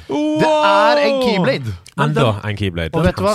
Og vet du hva? Det er en fin Keyblade, uh, men nå skal jeg vandre bort til mitt Keyblade. Ja, fordi Ja, den, er her, jo- den er jo ikke Den her Den er er mer håndterlig. Denne her er jo ikke lagd av uh, metall. Denne her er lagd av plastikk og skum, så man kan fint liksom slå, da. Kan, kan du gjøre dette med din? Om jeg kan! Snakk om å stjele gjestens thunder med Ja. ditt eget keyblade. Vet du hva, sånn er det når du Altså, don't bring plastic to uh, metal fight. Skal vi se her. Au, nei, det kan jeg ikke gjøre like ivrig som deg. Slå meg hodet med biten. Eller vårt, da. Så på den fronten så vinner eh, ditt keyblade. Ja. Her er det, nå er det altså full keyblade-fight i studio her, mellom eh, der plastikk møter metall. Men jeg føler at ditt Keyblade Det er mer korrekt i forhold Ja. til stilen. Mens Enig. dette er mer live action Keyblade. mm. ja, Hvis det er mot formodning, som jeg aldri håper skjer, skjer med en live action Kingdom Hearts-film, så Tenk deg Donald, da. I full uh, er det bare en and. Ei and. Jeg bare liksom, at de gir sånn samme treatment som uh, Ugly Sonic i Sonic uh, det, det jeg ikke orker nå, det er jo at dette er jo det Disney holder på med. De lager jo Den lille havfruen på nytt i live action. De lager Lion King i live action. Når kommer Kingdom Hearts i live Jeg action? kommer til å, jeg kommer til å frityrsteke sokkene mine og ete det dersom de eh, Hva hvis det er en bra film, da? Nei, det, kan, det, det kommer det ikke til å Du hørte det her først. Han skal frityrsteke sokkene sine. Men la oss snakke om ha-med-dagen. Hvor er dette keybladet fra? Da- Hva er historien bak det? Da Keybladet er fra Intet annet enn Outland i Bergen. Ja, den, uh, den utrolig fine og lille søte Outland-avdelingen i Bergen, som, Som- har veldig peiling på Pokémon-kort. som jeg sier med en gang. Ja, som nå har bytta lokale til en større butikk. Bra for deg, det er jeg glad Bra, for. bra, bra, bra, Eh, ja. og da så jeg at de hadde den inne.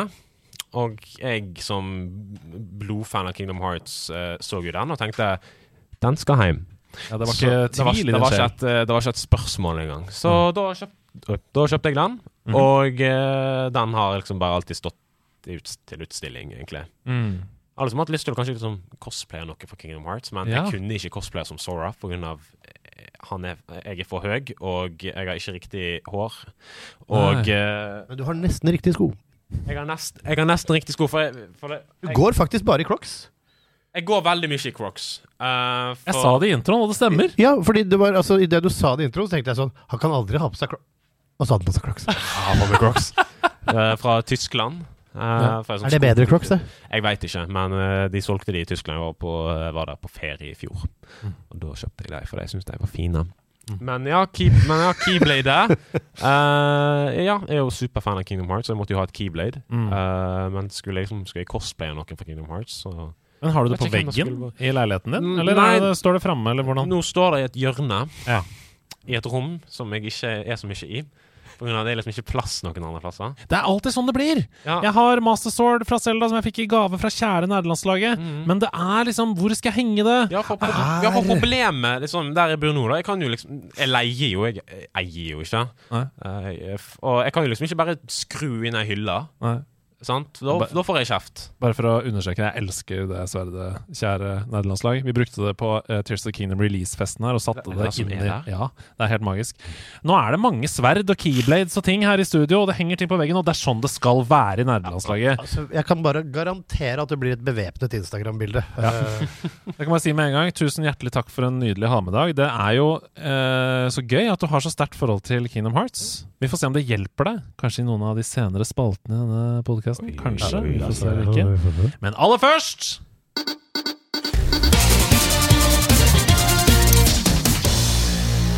fest, eller? Er det her er fest, eller? Mitt navn er Andreas Hedemann, og dette her, det er Nerdenytt. Først litt innenriksnyheter her. Under Wholesome Games Direct-arrangementet forrige lørdag, i forbindelse med sommerens spillslipp Galore, så fikk vi se mer av det norske spillet Snusmumrikken, melodien i Mummidalen.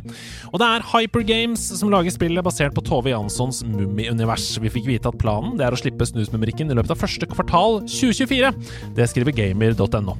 Jeg syns eh, selv at spillet ser skikkelig, skikkelig koselig ut. Det er superpent, det er tro mot Mummi-universet, du er skogens vokter.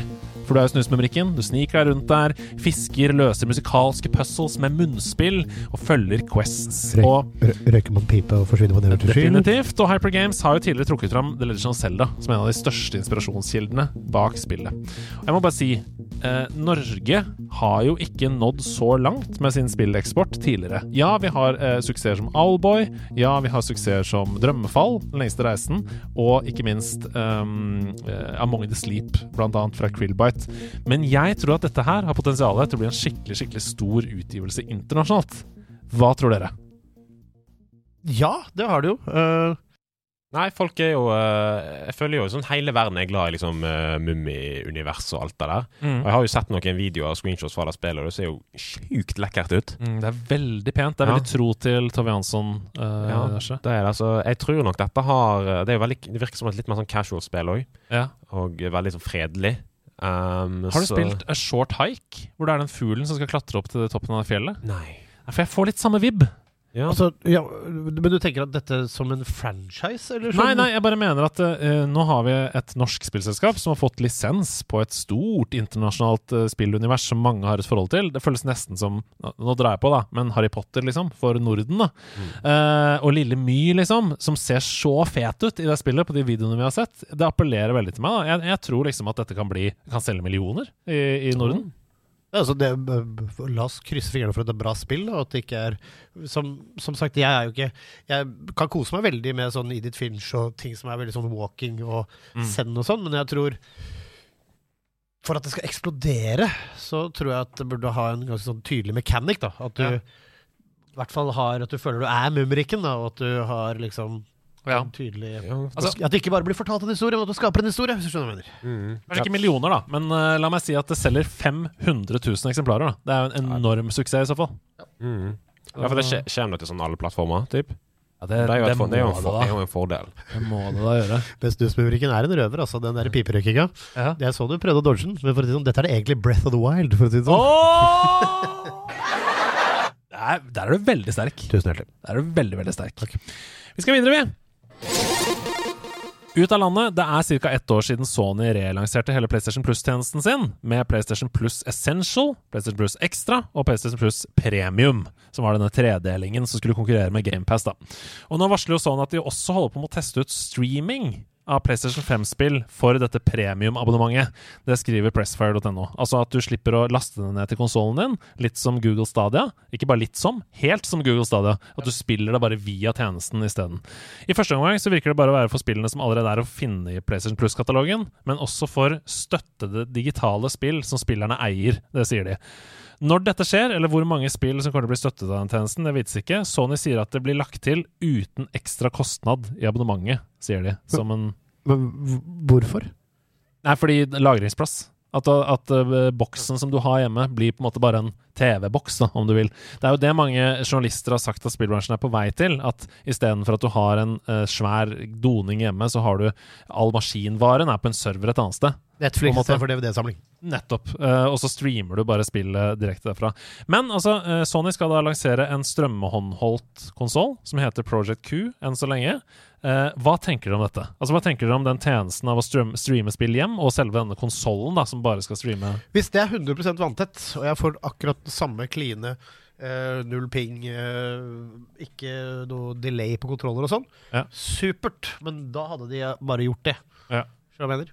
Ja, nei, det er jo det der med input-lag. Jeg er jo- henger meg veldig opp i. Det nå, nå, nå, bare går jeg over på Kingdom Hearts igjen, av Kingdom Hearts Ja, ja. finnes Kingdom Hearts fins på Switch, men eh, som cloud av en eller annen grunn. Du må streame det, som jeg syns er så tullete. På grunn av, det er jo et, ikke et grafisk krevende spill. Hvis de greier å porte Witcher 3 til Switch, så greier de å porte PS2-grafikk Kingdom Ja, Hearts til. Switch.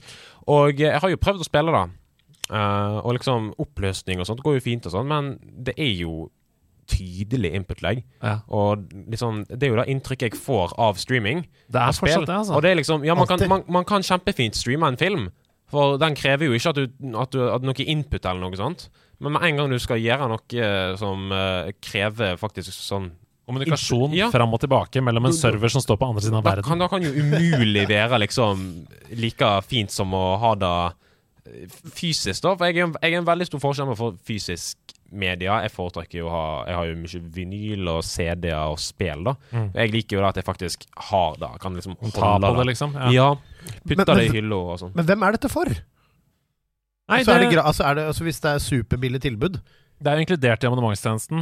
Jo, men det er det jo altså, sånn som det er nå. Hvorfor ikke bare gjøre det mulig at ok, du kan strømme det? Hvorfor ikke gjøre det mulig å laste ned? Sånn er det jo for meg. Men du, med PS4 så kunne du jo lasta ned en app på telefonen og bare streama dette. Du kunne ja, men da måtte du sånn- fortsatt ha spillet eh, lagret på din egen PlayStation 4. Ja, for da streamer det fra den. Ja, nei. Det, det dette nye gjør, er å streame fra en server som står i London, f.eks. Du trenger ikke å laste ned spillet på din konsoll.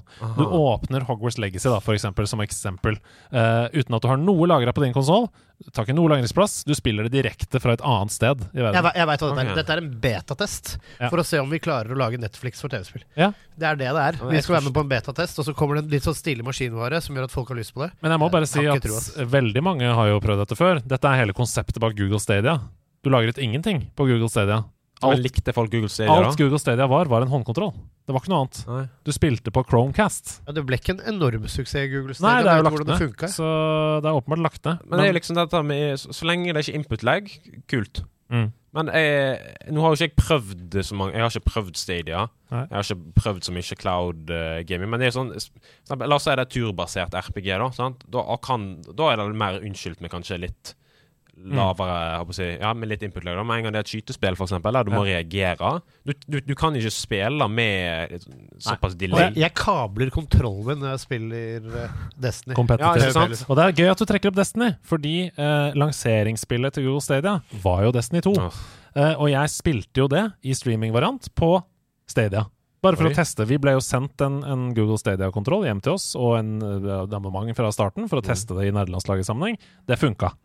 Men det var jo også fordi de hadde brukt tusenvis av timer på å få det til å funke. Kan Eh, det PVP også? eh, ja, det gjorde det. Det gjorde det, altså. Men, Input-lag, liksom. Det var ikke nei, det var ikke det. Eh, det funka, det. Men, Men hadde det funka hvis de hadde hatt fem millioner uh? Sannsynligvis ikke. Og et annet problem er jo at det uh, blir individuelt fra bruker til bruker. For hvis jeg spiller PVP mot en bruker med ræva internett i Arizona, så er jo, går det utover vedkommende. Fordi Mm. han eller hen eller henne har ikke bra nok internett. Ikke sant? Og det er problemet mitt. Eh, ja, da, krever, da krever jo at sånn alle som har det, må jo ha Bør jo ha kabler. Nettopp. Så, Og hvis det da skulle bli billigere for alle å gjøre det, sånn at det blir liksom Netflix og games, da, mm. da er det ganske mange som kan havne utafor gamingprivilegiet. Veldig overraskende så fikk vi plutselig gameplay-trailer fra Armored Core 6, Fires of Rubicon, denne uka her. Og eh, som er det nyeste spillet til From Software. En slags mech-fighter. Eh, denne serien her har jo vært veldig utilgjengelig for Vesten i alle år, men nå opplever selskapet eh, at Vesten også er klar for denne serien, med noen tilpasninger, da. Har dere sett videoen av eh, Armored Core? Nei. Ja. Vi, Kontraster. Vi, ja, vi diskuterte det jo litt i nederlandslaget-gruppa, eh, WhatsApp-gruppa, denne uka her. Hva var dine første inntrykk av det du så?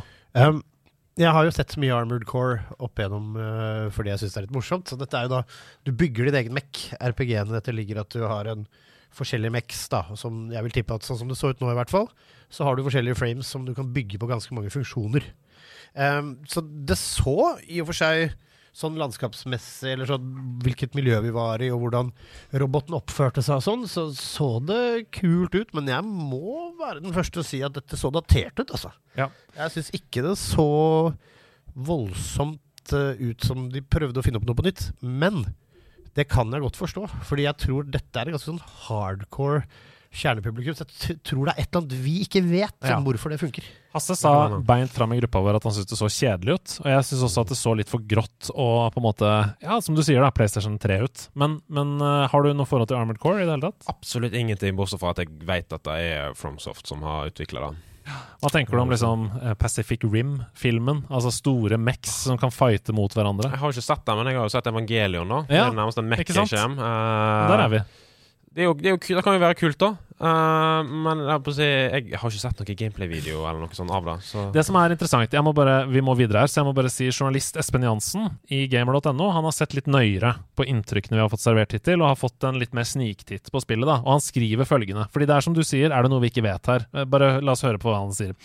Ved å blande de eksplosive grunnpilarene fra Armored Core-serien med lærdommen fra det siste tiårets actionspill, så har From Software gjort det som tilsynelatende er umulig. De har gjort Armored Core-serien ekstremt tiltalende. Skriver han. Og her er noen flere sitater. Det skal i hvert fall ikke stå på mulighetene til å justere spillestil etter eget ønske, for det er enorme mengder utstyr man kan bytte ut og endre, også midt i hver level. Utviklerne legger ikke skjul på at du enkelte ganger er nødt til å endre fremgangsmåte for å komme deg i det hele tatt gjennom en level.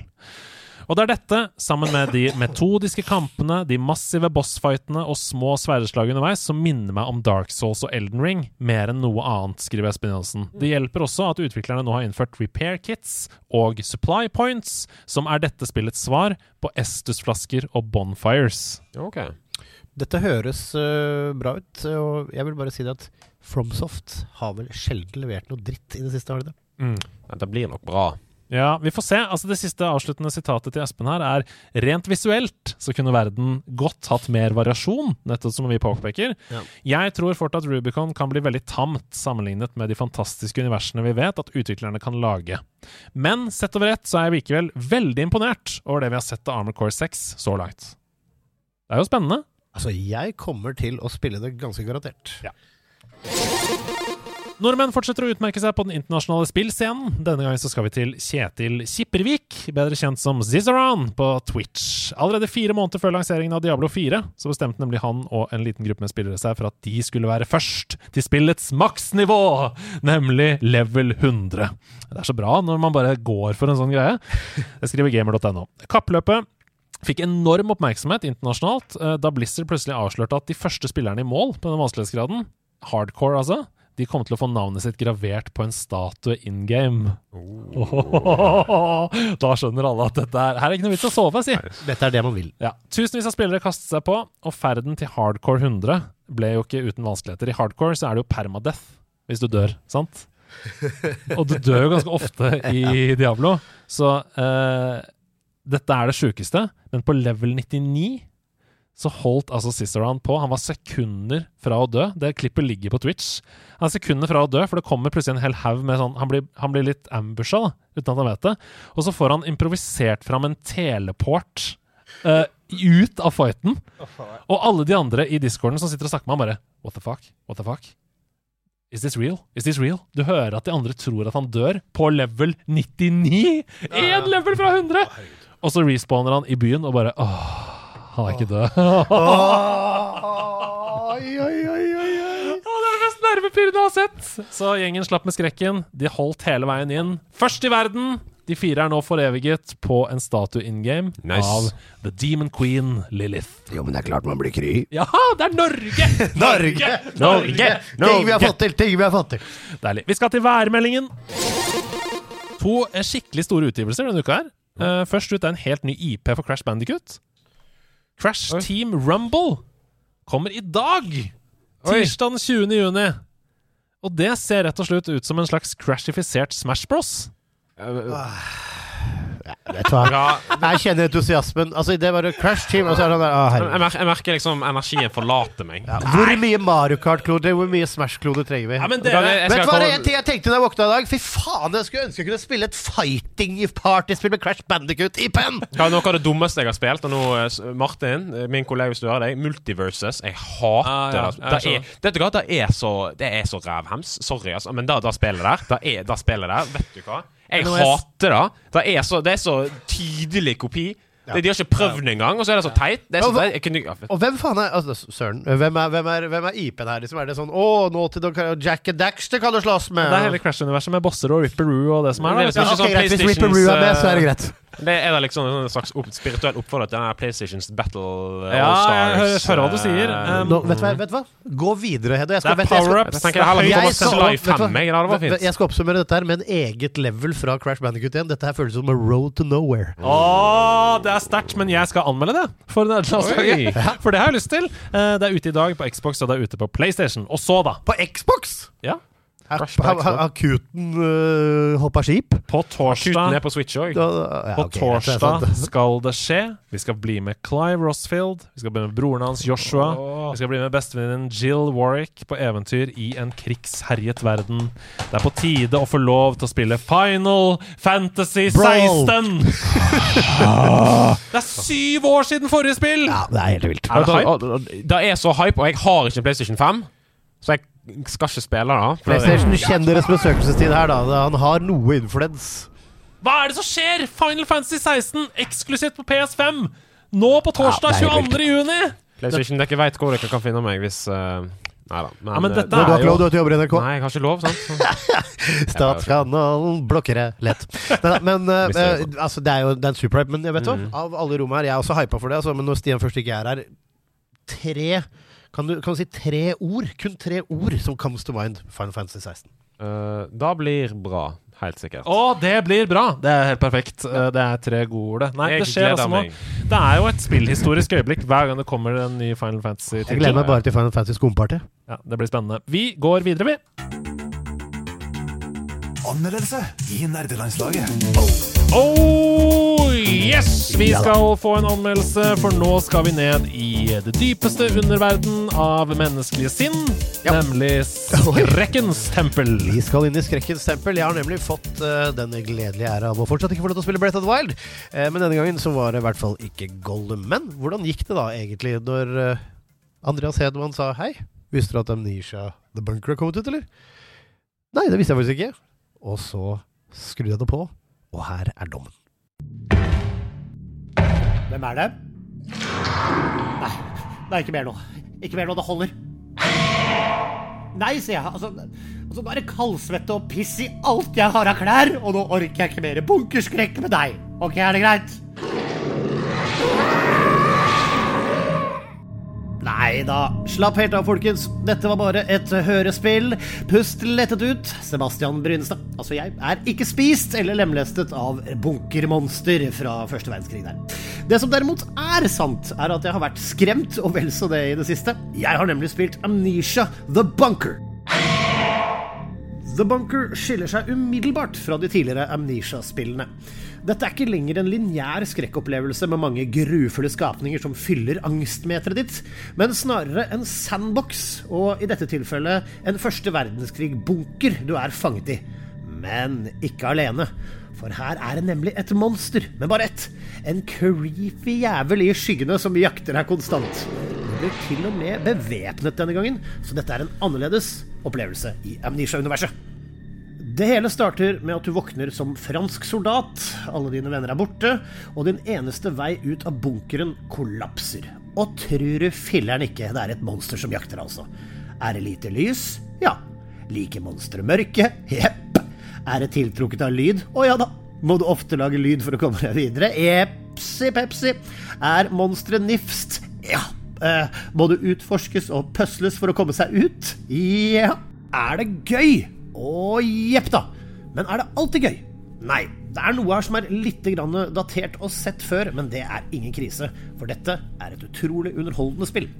Jeg vil ikke spoile så mye av det som skjer i denne relativt korte, konsise opplevelsen. Men det fortelles en fin historie gjennom ting du finner i bunkeren, journaler osv. Du trenger ikke å ha spilt tidligere Amnesia-spill, men det er nok eh, noen nikk og referanser du går glipp av om du ikke har det. Men eh, det er heller ikke noe krise, altså. Historien finner på ingen måte opp kruttet på nytt, men det er helt ålreit. Og avslutningen den var tilfredsstillende nok, om ikke noe smøgg og pipepattende. Det tok meg ca. fem timer på min Xbox Series X fra start til slutt. Og selv om spillet frister med at det er en del som er randomly generated av item locations osv. i denne sandboxen, så tror jeg ikke jeg kommer til å spille det igjen. Det Det holdt for meg å rote rundt med denne frykten som en kald hjelm og lete etter tools som kan få meg videre til nye områder én gang. Men det er en alien-fant i rommet som må nevnes her. Det er tydelig voldsomt inspirert av Alien Isolation. Det, altså, det er ikke en dum ting, men jeg oppfatter monsteret i The Bunker som langt tjukkere i huet enn det Alien var. Monsteret er rett og slett til tider ganske enkelt å lure. Men det betyr ikke at det ikke er forbanna skummelt. For det er Amnesia the Bunker. Det er skummelt, det er nervepirrende, og det er intenst. Lyddesignet er fremragende. Det iser inn i øra og kommer ut som kaldsvett rygg. Og sånn skal det være. Grafisk er det pent nok. Mørk og den dunkle bunkeren er styggpent sted å være. Selv med noen eh, frame dips og småglitches i fysikkmotoren, så var jeg mer enn oppslukt. Dette er gøy gameplay. Og vet du hva? Det er god skrekk som ikke kaster bort tiden din. Vel verdt 56 timer av livet, og er du så heldig å ha GamePass, så er det pine å dø inkludert også. Jeg gir Amnesia 80 av 100 skvetter i buksa, og kan anbefale dette spillet til alle som liker skrekk. Thought I was the last one. You're trapped down here.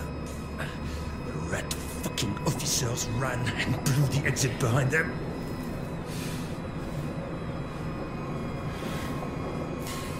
No want to escape. You need to blow it back open. There's dynamite in the arsenal. Ah, and a handle to trigger it somewhere in the excavation site. Get them, and you can make it out.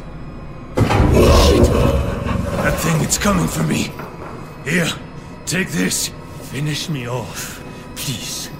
I want to die at the hands of a border soldier, not that monster.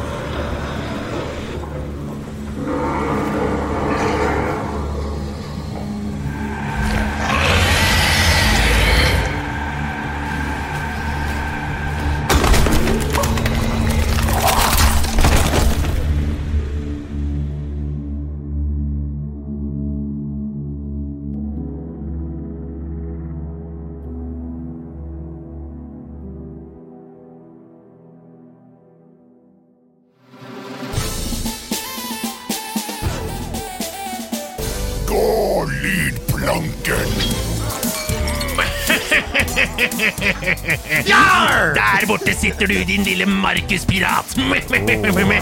Du må fighte mot meg, kaptein Snabelskam. Han eier ingen skam, og bare hiv deg på! Ikke vær ironi- ironigenerasjon nå. Hvilken pirat er du? Uh, han fra Caribbean. Du er han fra Caribbean. Yes. Hvilken pirat er du, min sør? Jeg er han som Han derre med hockeysveisen som lagde Pirate Jeg endrer svaret mitt. Jeg uh, Hva heter han? Uh, han er fra Kaptein Sabeltann. Han er kompisen. Pinky. Nei. Pelle Eh, Pysa Langemann. Langemann. Ja, vet du hva? Da er jeg DVD-Jon. Kjør! DVD-Jon mot Langemann i går lydplanken. Det er svært dårlig piratstemme på dere, men det skal vi få gjort noe med etterveis. DVD-Jon, han Her i Går lydplanken så spiller jeg av musikk, og dere må rope navnet deres når dere vet hvilken låt vi skal fram til. Altså Låt, hvilket spill okay. vi skal fram til. Da. Spill. Ikke, hvis jeg ser navn på sangen Ja, det, det, er, det er nerdepoeng, selvfølgelig, men uh, det, du trenger ikke å si det. Det, okay, det er spillet si- låta er fra. Spillserie er ikke Jeg godt liker nok. Selve spillet. Okay. Jeg liker ikke denne Selda Zelda Wand of. Gamelon. Er det lov å for, er det, Ok, greit, jeg skal, jeg skal være noe. Er det lov å referere til partituret om hvem som skrev det, eller? Oi! Det som er viktig i Går lydplanken, det er at eh, man trenger ikke Selv om man ikke klarer noen av låtene, så kan man fortsatt vinne. For det er et oppfølgingsspørsmål knyttet til hvert spill. Ah, okay. Så hvis du kan masse om spillet det handler om eh, Men når det er sagt, i dag er den vanskelig. Vår kjære Oi. Septastic har dratt oss ut på Han har dratt oss ut på et vanskelig eh, sted. Det er han som har lagd oppgaven i dag. Her kommer den første låta. Rop navnet deres når dere vet hvilket spill vi skal til.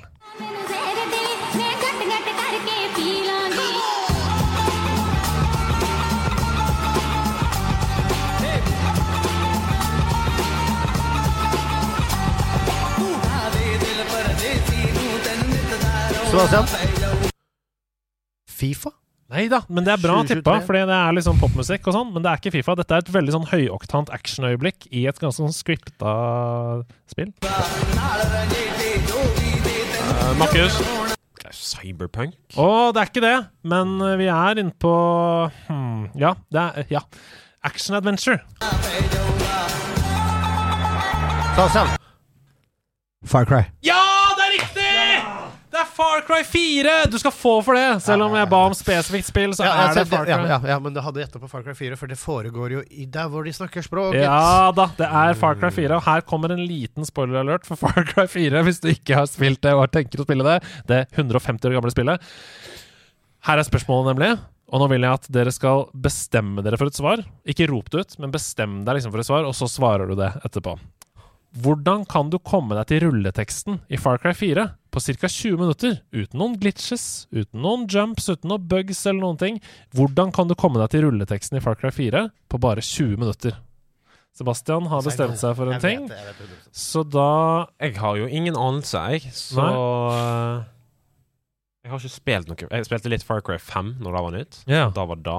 Ikke sant? Det eneste forholdet jeg har til Far Cry, er liksom at eh, det er han fyren i treeren som har definition of insanity. Det, Ja, det, da, da er så langt min Ja. Was, ja. Det er så langt min Far Cry-kunnskap strekker seg. Ja. Men det er ikke så Vil- kort, det. Men vil du gjette? Uh, Hva gjetter du? hvordan man kommer seg til rulleteksten. Hvis man, hvis man runder spillet sjukt fort. Ja, det er veldig bra spill. Speedrunner, da. Ja. Nei, altså, dette er jo eh, Hvis jeg ikke blander nå, så var jo dette en kommentar, for de fikk så mye kritikk for at det var så mye drap, og at det var bla, bla, bla, og at det var så vilt. Så i neste spillet så la de inn en greie hvor du sitter overfor hovedslemmingen i starten av spillet. Pagan min, ja. Ja, og han sier til deg at ja, du skal få spre asken, men hold han her. Men det er veldig mystisk stemning. Og så hører du at det bryter ut noe skyting og noe vold når du sitter her. Og da sier alle instinktene at du skal escape, og da escaper du. Men hvis du blir sittende, så kommer han tilbake etter å ha ordna opp, og så tar han deg med til fjelltoppen, og så får du spre morsaske, og så er det i boks. Hvis du bare sitter og venter der på stranda istedenfor å løpe dit du tror du skal løpe, så kommer han, tar deg med opp på fjellet, og så runder du spillet på 20 minutter. det er så gøy! Bra, Sebastian! Det betyr at det er 2-0 til deg idet vi skal inn i neste oppgave. Dette er før din tid, så hvis du klarer dette, så blir jeg veldig imponert. Rop navnet når dere vet hvor vi skal. Sebastian, er det Ghost and Goblins? Nei. Markus. Og Megaman. Ja! Det er Megaman! det er selvfølgelig Dr. Wiley. det hørtes uh, Megaman ut. Det er Dr. Wiley, bossmusikken fra Megaman, og Sebastian tar seg til fjeset. Sebastian tar seg til fjeset og er uh, lei seg, men det betyr at det er 2-1. Og her uh, skal dere også bestemme dere for et svar i oppfølgingsspørsmålet. Hvem er utseendet og fornavnet til Dr. Wiley inspirert av? Fornavnet til Dr. Wiley er etternavnet, altså. Ja, altså, Hvem er utseendet og fornavnet til Dr. Wiley inspirert av? Altså, hvem, Hvilken eh, historisk figur Ja, jeg tror jeg har det. er inspirert? Jeg har bestemt meg. Du har bestemt deg. Det betyr at Sebastian skal få svare først, fordi du har bestemt deg. jeg har lite Megaman-kunnskap, men ser ikke han ut som Albert Einstein? Albert. Du svarer Albert Einstein. Uh, Roosevelt. Det er Albert Einstein! Det er fantastisk! Boom. At det er 3-1 til Sebastian idet vi skal inn i dagens siste musikkoppgave. Stålsett deg.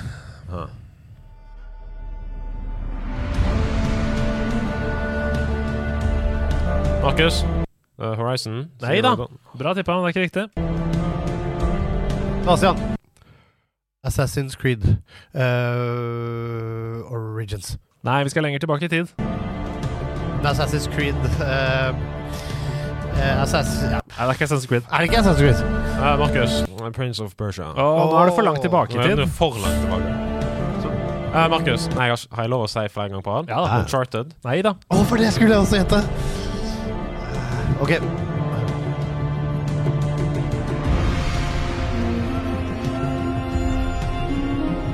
Sebastian. God of War. Nei, men det er War i tittelen. War, i tittelen.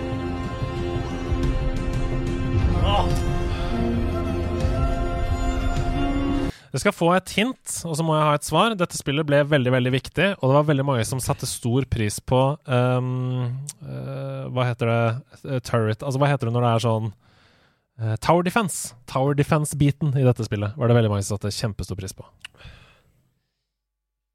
Tower Defense.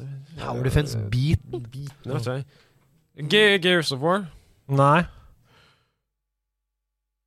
Å, Total War. Shogun Nei, Total War. nei, nei, nei. Warhammer. Åh, dere er gode nå, men det er ikke nært nok. Jeg må bare si fasiten her. Det er Warcraft 3. Ah, Warcraft 3. Uh, veldig veldig viktig spill. Bana vei for World of Warcraft.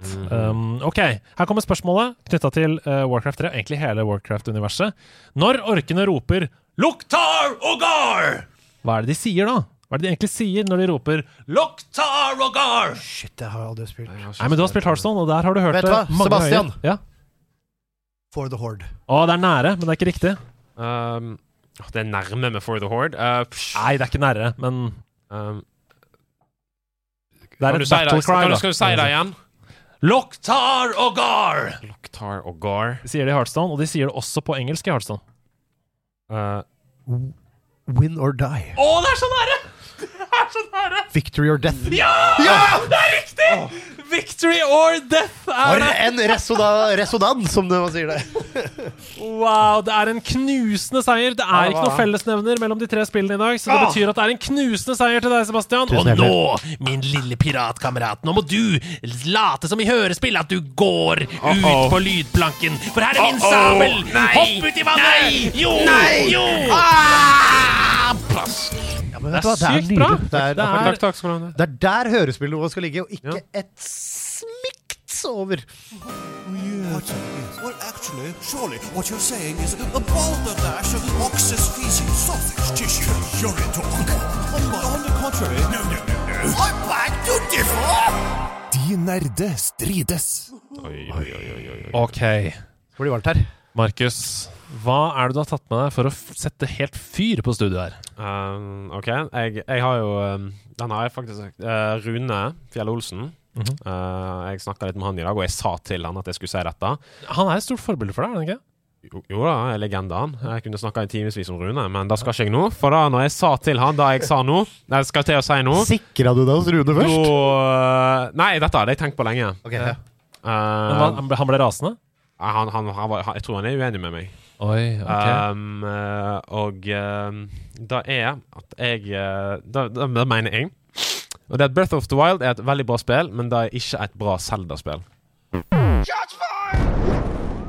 Å, shit! Pusten gikk ut av meg! I magen! Hvorfor ikke det? Uh, for meg er jo Zelda-formelen Altså, Zelda det er jeg, lik, jeg liker veldig godt Breath of the Wild. Jeg syns det er et herlig spill. Sammen med Tears of the Kingdom. Fulgte liksom samme mal. Veldig bra. Forbedra mye på det jeg ikke, ikke, likte, ikke likte. ja. Men liksom eh, som jeg syns Breath of the Wild kunne gjort bedre, da, med mer dungeons og en mer fokusert historie. Mm. Men mitt favoritt-Zelda-spill det er jo Twilight Princess. Ja.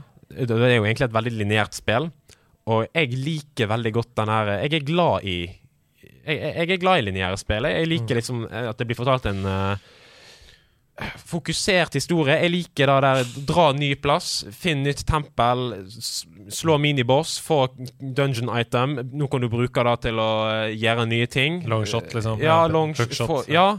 Og så er liksom Ja, det heter det! Ja, jeg vet det, men det, dette, er, det, dette var en long shot. så- uh, ja, og så får liksom spiritual stone eller fused shadow eller hva enn, og så er det liksom et midtparti der Oh shit, nå skjer det noe mer. Vet du hva, vet du hva? Her har du en til dels alliert i meg. Eh, dere to er selvfølgelig idioter, begge to. Um, for det er bare én La ting jeg, meg forklare hvorfor jeg er alliert før du kaller meg en idiot. jeg skal bare si én ting. Fordi jeg er helt enig i at man kan dele seg i to hva gjelder open world og hva gjelder fokuserte historier i Zelda-universet. Men ikke kom her og si at den originale Zelda-oppskriften er en fokusert historie! Det første Zelda-spillet er open world! Det første Zelda-spillet i men- historien på men- 1986 på Nintendo Men, er open world! Han er ung, og la han få Ja, feie for egen dør for å være sant? historieløs. Jeg, jeg, jeg, Men jeg kan det er ikke jeg. Altså, så De nerde strides fortsatt med deg, men jeg mener også at det er et fantastisk spill. Ja. Men at det ikke er et bra Zelda-spill. Ikke på samme grunnlag som deg, okay. men fordi jeg mener at dette kunne vært Det er en del grep som kunne vært gjort her, som gjorde dette til et bedre Zelda-spill, men med den samme utviklingen. Ok, Jeg mener at for eksempel, altså jeg er på den siden som mener at våpensystemet er kjipt. Jeg får ikke noe forhold til våpnene mine. Jeg får ikke noe forhold til hva de gjør. Stemmer det? Du Eh, er sånn Fashion Souls-fyr, da. Ja, for nå er vi på Breath of the Wild, sant? Ja. Breath of Jeg the kan, Wild. ja, eh, og jeg syns dungeonsene er like. Ja, vet du hva, det er en av mine største problemer med Alle er bosser er Alle, sånn- alle Thunderblight og Waterblight Ja, og blight, blight, blight, blight, ser, blight, blight, ser blight. helt like ut. Ja, og så er det sånn Oi, nå fikk jeg ny dress. Men alt rundt er kjempebra. Ja, er. Men dungeonsene som Ja. Hvis de hadde gjort de mer selv, da! det som er Zelda, det er jo liksom Variasjon! dungeons og sånn, og så bare er det liksom Det, det er jo Divine Tears of the Beast. Kingdom. Ja, der, der er jo så The Kingdom bedre, ja. Ja, men det er ikke det vi diskuterer! Men det er liksom Jeg, Og det kan ikke jeg mene om, fordi jeg har spilt Gollum. jeg, jeg, jeg savner dungeon maps, jeg savner Compass. Ja, og, det er liksom, og da, da finner man i eh, original Legend of Zelda. Da har jeg runda back in the day. Og eh, det er liksom liksom, ja, da- Hvor er det Wand of Gamelon? Ja, hvor er Wand of Gamelon? Hvor er Faces of Evil og alt dette? Ok, da. Så eh, all nyvinning er dritt. Hilsen Nei, Markus. nei! det er ikke- All nyvinning var nyvinninger ikke er jeg kjempebra, sa. Andreas! Men det at de nå har De, de spiser oss av med dungeons som er helt like. Men, å, Det nei. der Tears of the Kingdom gjorde det mye bedre. Det er jo mye mer fokuserte dungeons, Ja, ja. de som faktisk ser annerledes ut. Ja, ja, ja, Så du, du skjønner at du er Ja, altså kan jeg si Men se på, se på da Shadow Temple. Ja, ja. Se på alle de forskjellige Water Ja, Temple. ja, ja, Du kan, du kan, se, du kan se Du det kan i traileren. Ja, ja, men når man prøver å nyvinne og gjøre noe helt annet i Zelda-universet, Ja, hva med ikke fikse 600 shrines? Da Nei! kan man ikke fikse alt på en gang. Så Ja, det er sant. eh, jeg, eh, jeg er til dels enig. For jeg er også veldig glad i på en måte Ocarina of Time, eksempel. Mm. Fantastisk Zelda-opplevelse. Jeg bare likte det på en annen måte. Breath of the Ja, Wild. ja, Og så liker jeg Tears of the Kingdom. Eh, Superbra. Det er mitt jo- Jeg, jeg altså- kan absolutt ikke uttale meg om Tears of the Kingdom, men det som jeg ville sett i Breath of the Wild, da, uten at noen må spoile, hvis Breath of the Wild hadde hatt åtte templer som var distinkte, så hadde jeg vært mye mer fornøyd. Men dessverre så var det Blightfest all the way Ja. around. Nei, men da er vi helt stille, vi. Ja, vi skal ikke Og si så noe. skal vi respektere eh, din mening. Fordi Eh, kanskje denne fyren, når han endelig kan komme seg ut av mørke katakomber og Gollums fucking Men du, ja. eh, takk for meningen din, Markus. Jeg er sikker på at det er mange som hører på som er enig. Og jeg har sett i chatten på Twitch her Ja, helt riktig, skriver folk. Så du er ikke alene. Yes! Du er ikke alene. Vi skal gjette på spill. Ja da. I denne spalten, som ikke på noen som helst måte ligner på 20 spørsmål på NRK, så skal vi stille spørsmål til Sebastian Brunestad, og vi har bare Det stemmer, Andreas. Dag har ikke jeg tenkt å spille noen karakter, for det ville kunne bli avslørende. Så derfor blir dere bare nødt til å stille meg ja-nei-spørsmål, og dere har kun På 20 Quest Steps, eller 20 spørsmål, så skal vi komme fram til hvilket spill det er Sebastian tenker på. Eh, vi kan bare stille ja- eller nei-spørsmål, eh, og vi kan bare begynne å stille han spørsmål når du er klar. Har du, har du skjønt oppgaven? Jeg har skjønt oppgaven. Vi er på lag. Vi er på lag, ja, ja. ja, Okay. Så vi prøver Så vi å finne ut dette. Altså, hvis vi ikke klarer det på 20 spørsmål, så taper vi. Sebastian vinner. Å nei, Eh, da vinner vi ikke, skal Så, eh, hva, hva er det første liksom, du tenker for å prøve å snevre inn Uh, Eh, i 20 Quest Steps? her? Kom det ut før 2000? Bra? Nei. Oi, okay, så det er et spill fra de siste 23 år. Jeg vil, jo, jeg vil jo Um, tro at det er sikkert nok for 90 eller er, Vet du hva? Jeg tror ikke det er sånn her eh, pong. Nei, nei, nei, nei, men nå er det jo fra etter 2000, da. Det har vi etablert. Så det er fra 2000 ja, det var til etter. 2023. Ja, ja, ja. Jeg, tror, jeg tenkte litt bakvendt der. Ja, ok. Det har vi er etablert. Så da, vet du hva jeg stiller spørsmål om nå? Er det et konsolleksklusivt spill? Oh, bra. Det må jeg faktisk sjekke, men det tviler jeg på. Altså, eh, um, Du er nok ikke et Nintendo-spill. Uh, nei, det er det ikke. Det er ikke det. Ok, så da fins det på PC. Ja, Da er det ikke noe Nintendo. Nei, da er vi u- ute av Nintendo-universet. Bare glemme alt av Nintendo etter 2000. Xbox, PlayStation, PC. Jeg er på ingen måte måte konsolleksklusiv, nei. Nei, ikke sant? Xbox, Ikke PlayStation, Kanskje mobil òg. Det kan hende. Uh, Bare husk på dette. Nå har vi brukt to spørsmål. Vi prøver å komme oss inn på sjanger, kanskje. Er det first person? Nei. Det er ikke førsteperson. Er tredjeperson. så. Da kutter vi Halo. Mm, Eh, alt av Xbox og sånne ting. Tredjeperson. Ja, sånn. Skyrim kan du spille i tredjeperson. Uh, det, men det Ikke sant, for det er ikke konsolleksklusivt. Um, Er det en sterk historie i bånn her? Nei. Det er ikke en sterk historie, med andre ord et Altså, I arkadespill. bånn så kanskje, men Det er ikke derfor du er spiller er, det. Folk spiller ikke dette for en historie. Uh, Ikke sant? eh, De plukker det kanskje opp for det, men det er ikke derfor Nei. nei. Ok, Man blir ikke der, nei. Da er det typisk kanskje Call of Duty, ikke sant? Mm. Uh, Ja, men Call of Duty er jo uh, førsteperson, og da var det jo ja, det er sant. Det er sant. Det er tredjepersonsspill uten noe særlig historie. Fifa? Ehm, ja, det er kanskje Mm, ikke Xbox- konsoll-eksklusivt, men jo, vent, da. Har Fifa vært på PC? Nei. Nei. Det har det vel ikke vært. er vel ikke på PC, tror jeg. Nei. Men det er på- Fifa har vært på PC. Ok, ja. Men det er, Og det er jo ikke på flere konsoll... Ja. Mm. Mm. Etter 2000, tredjeperson. Um, Uten usterk historie. uten sterk historie. Arkadeaktig. Er dette et spi Er det et kompetitivt online-spill? På ingen som helst måte. OK. Uh, er det utvikla i Japan? Eh, nei.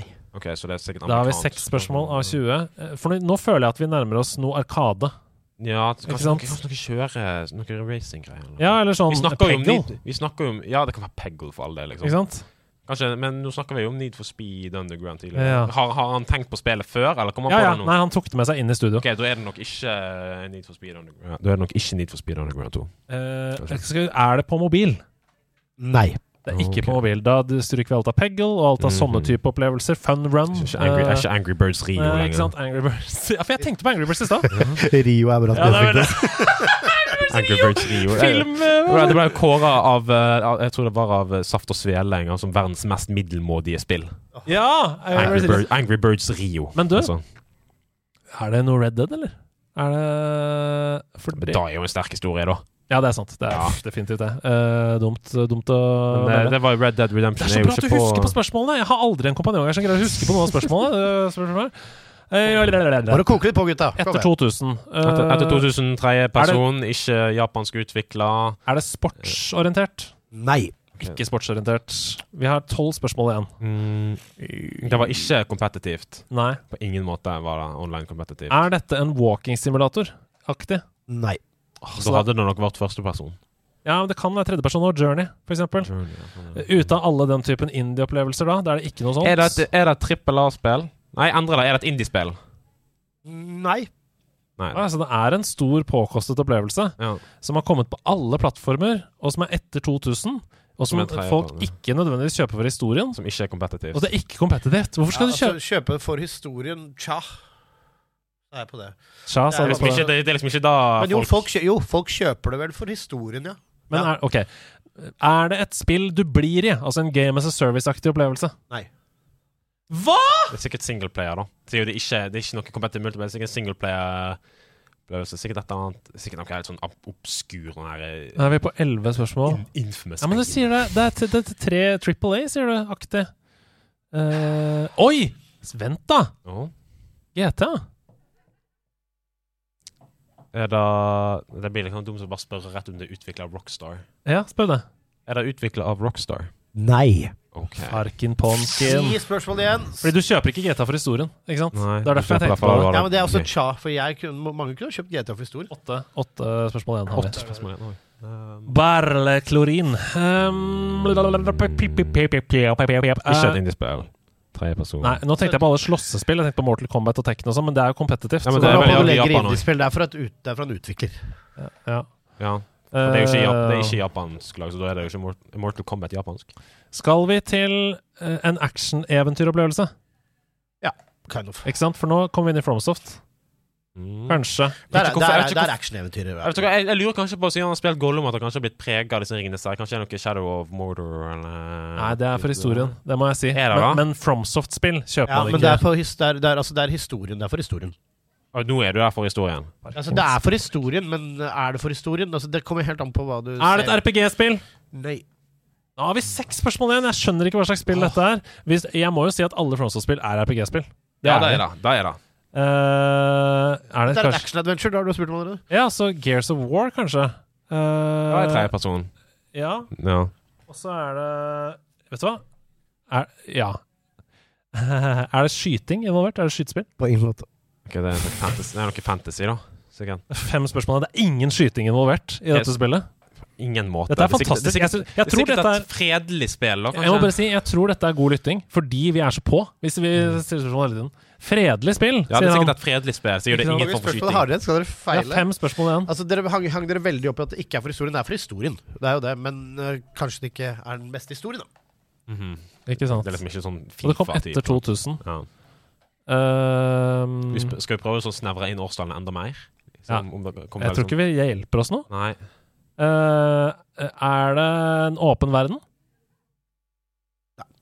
Ikke en åpen verden. Da Nei. forsvinner alt av uh, den type opplevelser. Assassin's Creed og sånne Ja, ting. alt sånt. Uh, etter, to- er, det, er det etter 2010? Ok. Ok, er det, Da er vi på 2010 til 2023. Hvor mange spørsmål har vi igjen nå? tre. Eh, eh, spiller du som et menneske?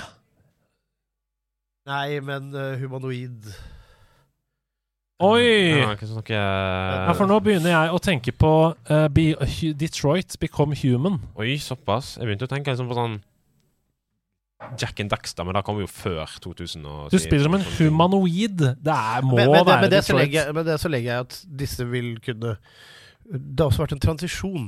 Ja, øh, det må være jeg, Nå har vi to spørsmål igjen. Må vi greie det på det siste spørsmålet? Ja, ja. Eller OK. Er det Detroit Become Human? Nei. Fucking Da har vi ett spørsmål igjen nå. Og da må vi gjette et spill. Uh, Du er spilt som en humanoid. Skal, vil Ikke så ha, bra. altså, hvor, hvor, hvor mye altså, Skal vi klare å feile, eller skal jeg bare si at Nei, du du skal har ikke si noe. Du skal ikke si noe. Okay, okay. Vi må ta den informasjonen vi har. Uh, du er en humanoid, altså du er en robotaktig AI, kanskje. Nei, humanoid betyr ikke det. Humanoid betyr at du er menneskelig, liksom. Så da altså ah, ja. Sly Cooper, er han humanoid? Ja, OK, det er såpass. Okay. så går det sånn da, på to bein og Da har vi ikke sjans. Bare si hva det, det er, første du et dyr, det er kanskje et dyr da, eller noe sånt. Si hva det første du faller på er. Night in the Woods. Nei.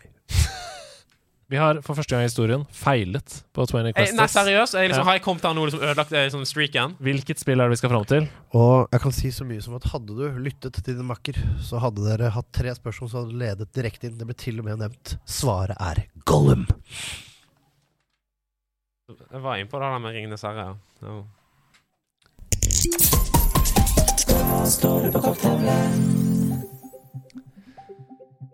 Helene Freda stiller deg spørsmål, um, Nei, få opp stemninga, Andreas. Markus.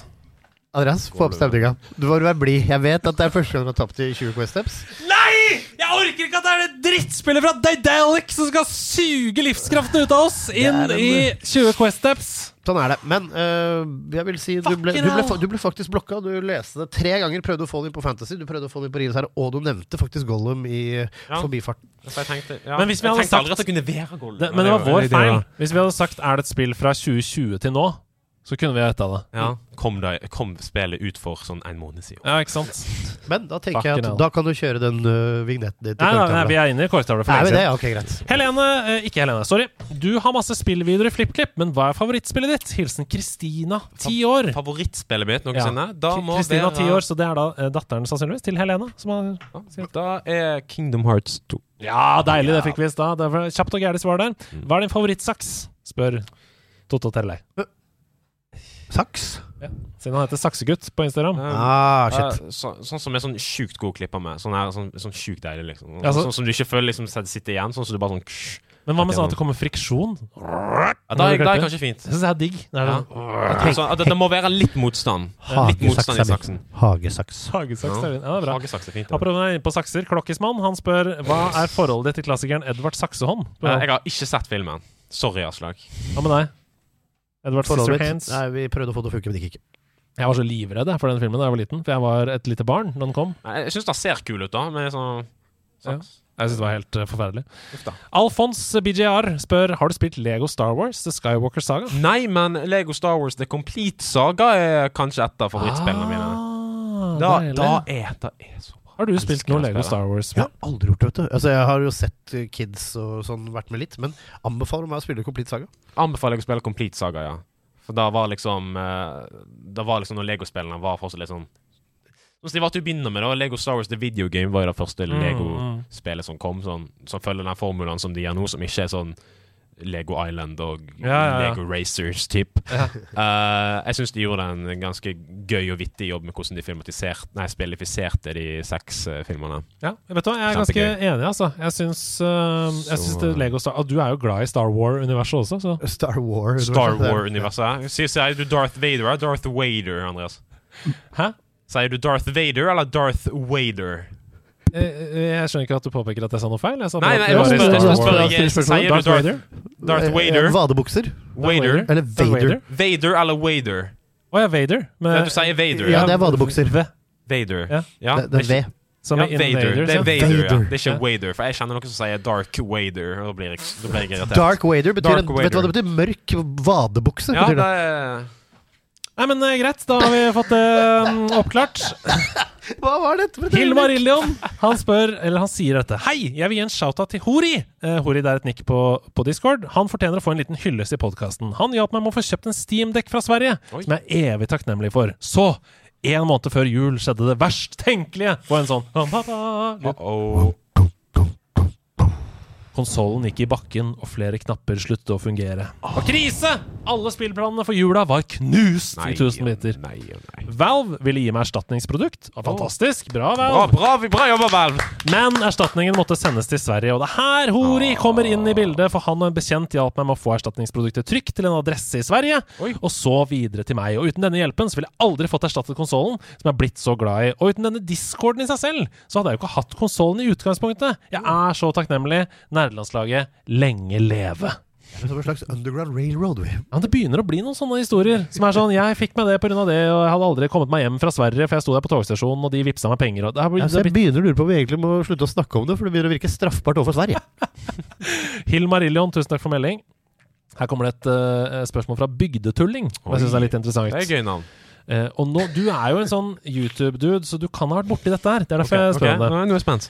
Jeg har en liten challenge til en av dere i NL-teamet, skriver Bygdetulling. Dere prater nemlig om Get Good og greier, og hvor vanskelig Soulsborne-spillene er. Men skal dere virkelig prøve ett spill som du har lyst til å rive av deg håret når dere spiller, så prøv My Summer Car. Ok. My Summer Car. Uh, Det spillet er gull, men veldig frustrerende. Også masse sånn banne-emojis. Ja, Da. fordi det er grunnen til at det er gøy med FromSoft, fordi der kan du get good. Hvis det bare er frustrerende og dårlig og vanskelig pga. det, så er jeg ikke interessert. My Summer Car. Uh, har du hørt om det i det hele tatt? Aldri. Det har altså ni av ti på Steam, Oi. og det er 50 000 anmeldelser. En sånn overwhelmingly positiv type, eller? Og veldig positive, står det her. Overwhel- Is the ultimate car owning, building, fixing, tuning, maintenance and permadeath. And permadeath. Vet du hva? Da Jeg tror hvis du krasjer med bilen din, så er du- You start the game with hundreds of loose parts and assemble both car and engine. Så jeg tipper at det er sånn hvis du tar noe feil, så sprenger hele bilen, og du dør, da. Ja, altså hvis jeg, altså, det hvis jeg plukker, gøy ut. Den skal jeg teste, og hvis jeg plukker opp dette og elsker det nå, så My skal jeg summer- love her nå, da tar jeg tatovering på andreleggen hvor det står 'Summer Car Ruined My Life'. My summer car. Altså, det er helt sjukt. Nå skal jeg finne en anmeldelse her. Hva er det folk skriver? The safe way to drink and drive. 82 timer spilt! Å, herlighet. Ja, ja. I say don't drink and drive, you might spill your drink. 60 timer uh, er det Thought Wheels som har gitt en anmeldelse her. My summer car makes me feel like a true Finn because I want to kill myself. Les en av de negative, da. Det er ingen negativ her. Okay, Finner ikke en, Det, det jo, er det er perfekt spill. Nei. ikke anbefalt. The game itself is great, but please add an option to disable camera shake effects. Terningkast 1. Spillet forandra livet mitt. Beste jeg har spilt. Aldri hatt det morsommere. Men vær så snill å skru av kamera. Shake effects. Terningkast 1. Men det høres ut som noe dere kan lage en video på. Ja, kanskje da. My summer My car. Summer Car. Jeg, jeg, jeg, skal ta og skrive den ned etterpå. Ja. Så, også, vet du hva? så er det My Summer Car Battle. Ja. Tonje, hvis du er hører på, om å gjøre å bygge bil best. Tonje, skriv den ned hvis du, eh, hvis du Markus hører på dette. Og så skal det ikke være noe mer skrensing fra han. Nei, eneste- sparkesykkel. holder holde seg unna. Den Med mindre, du veit hva du driver med. den eneste skrensinga vi skal gjøre, det er å skrense inn i Hidio Kojimas rike.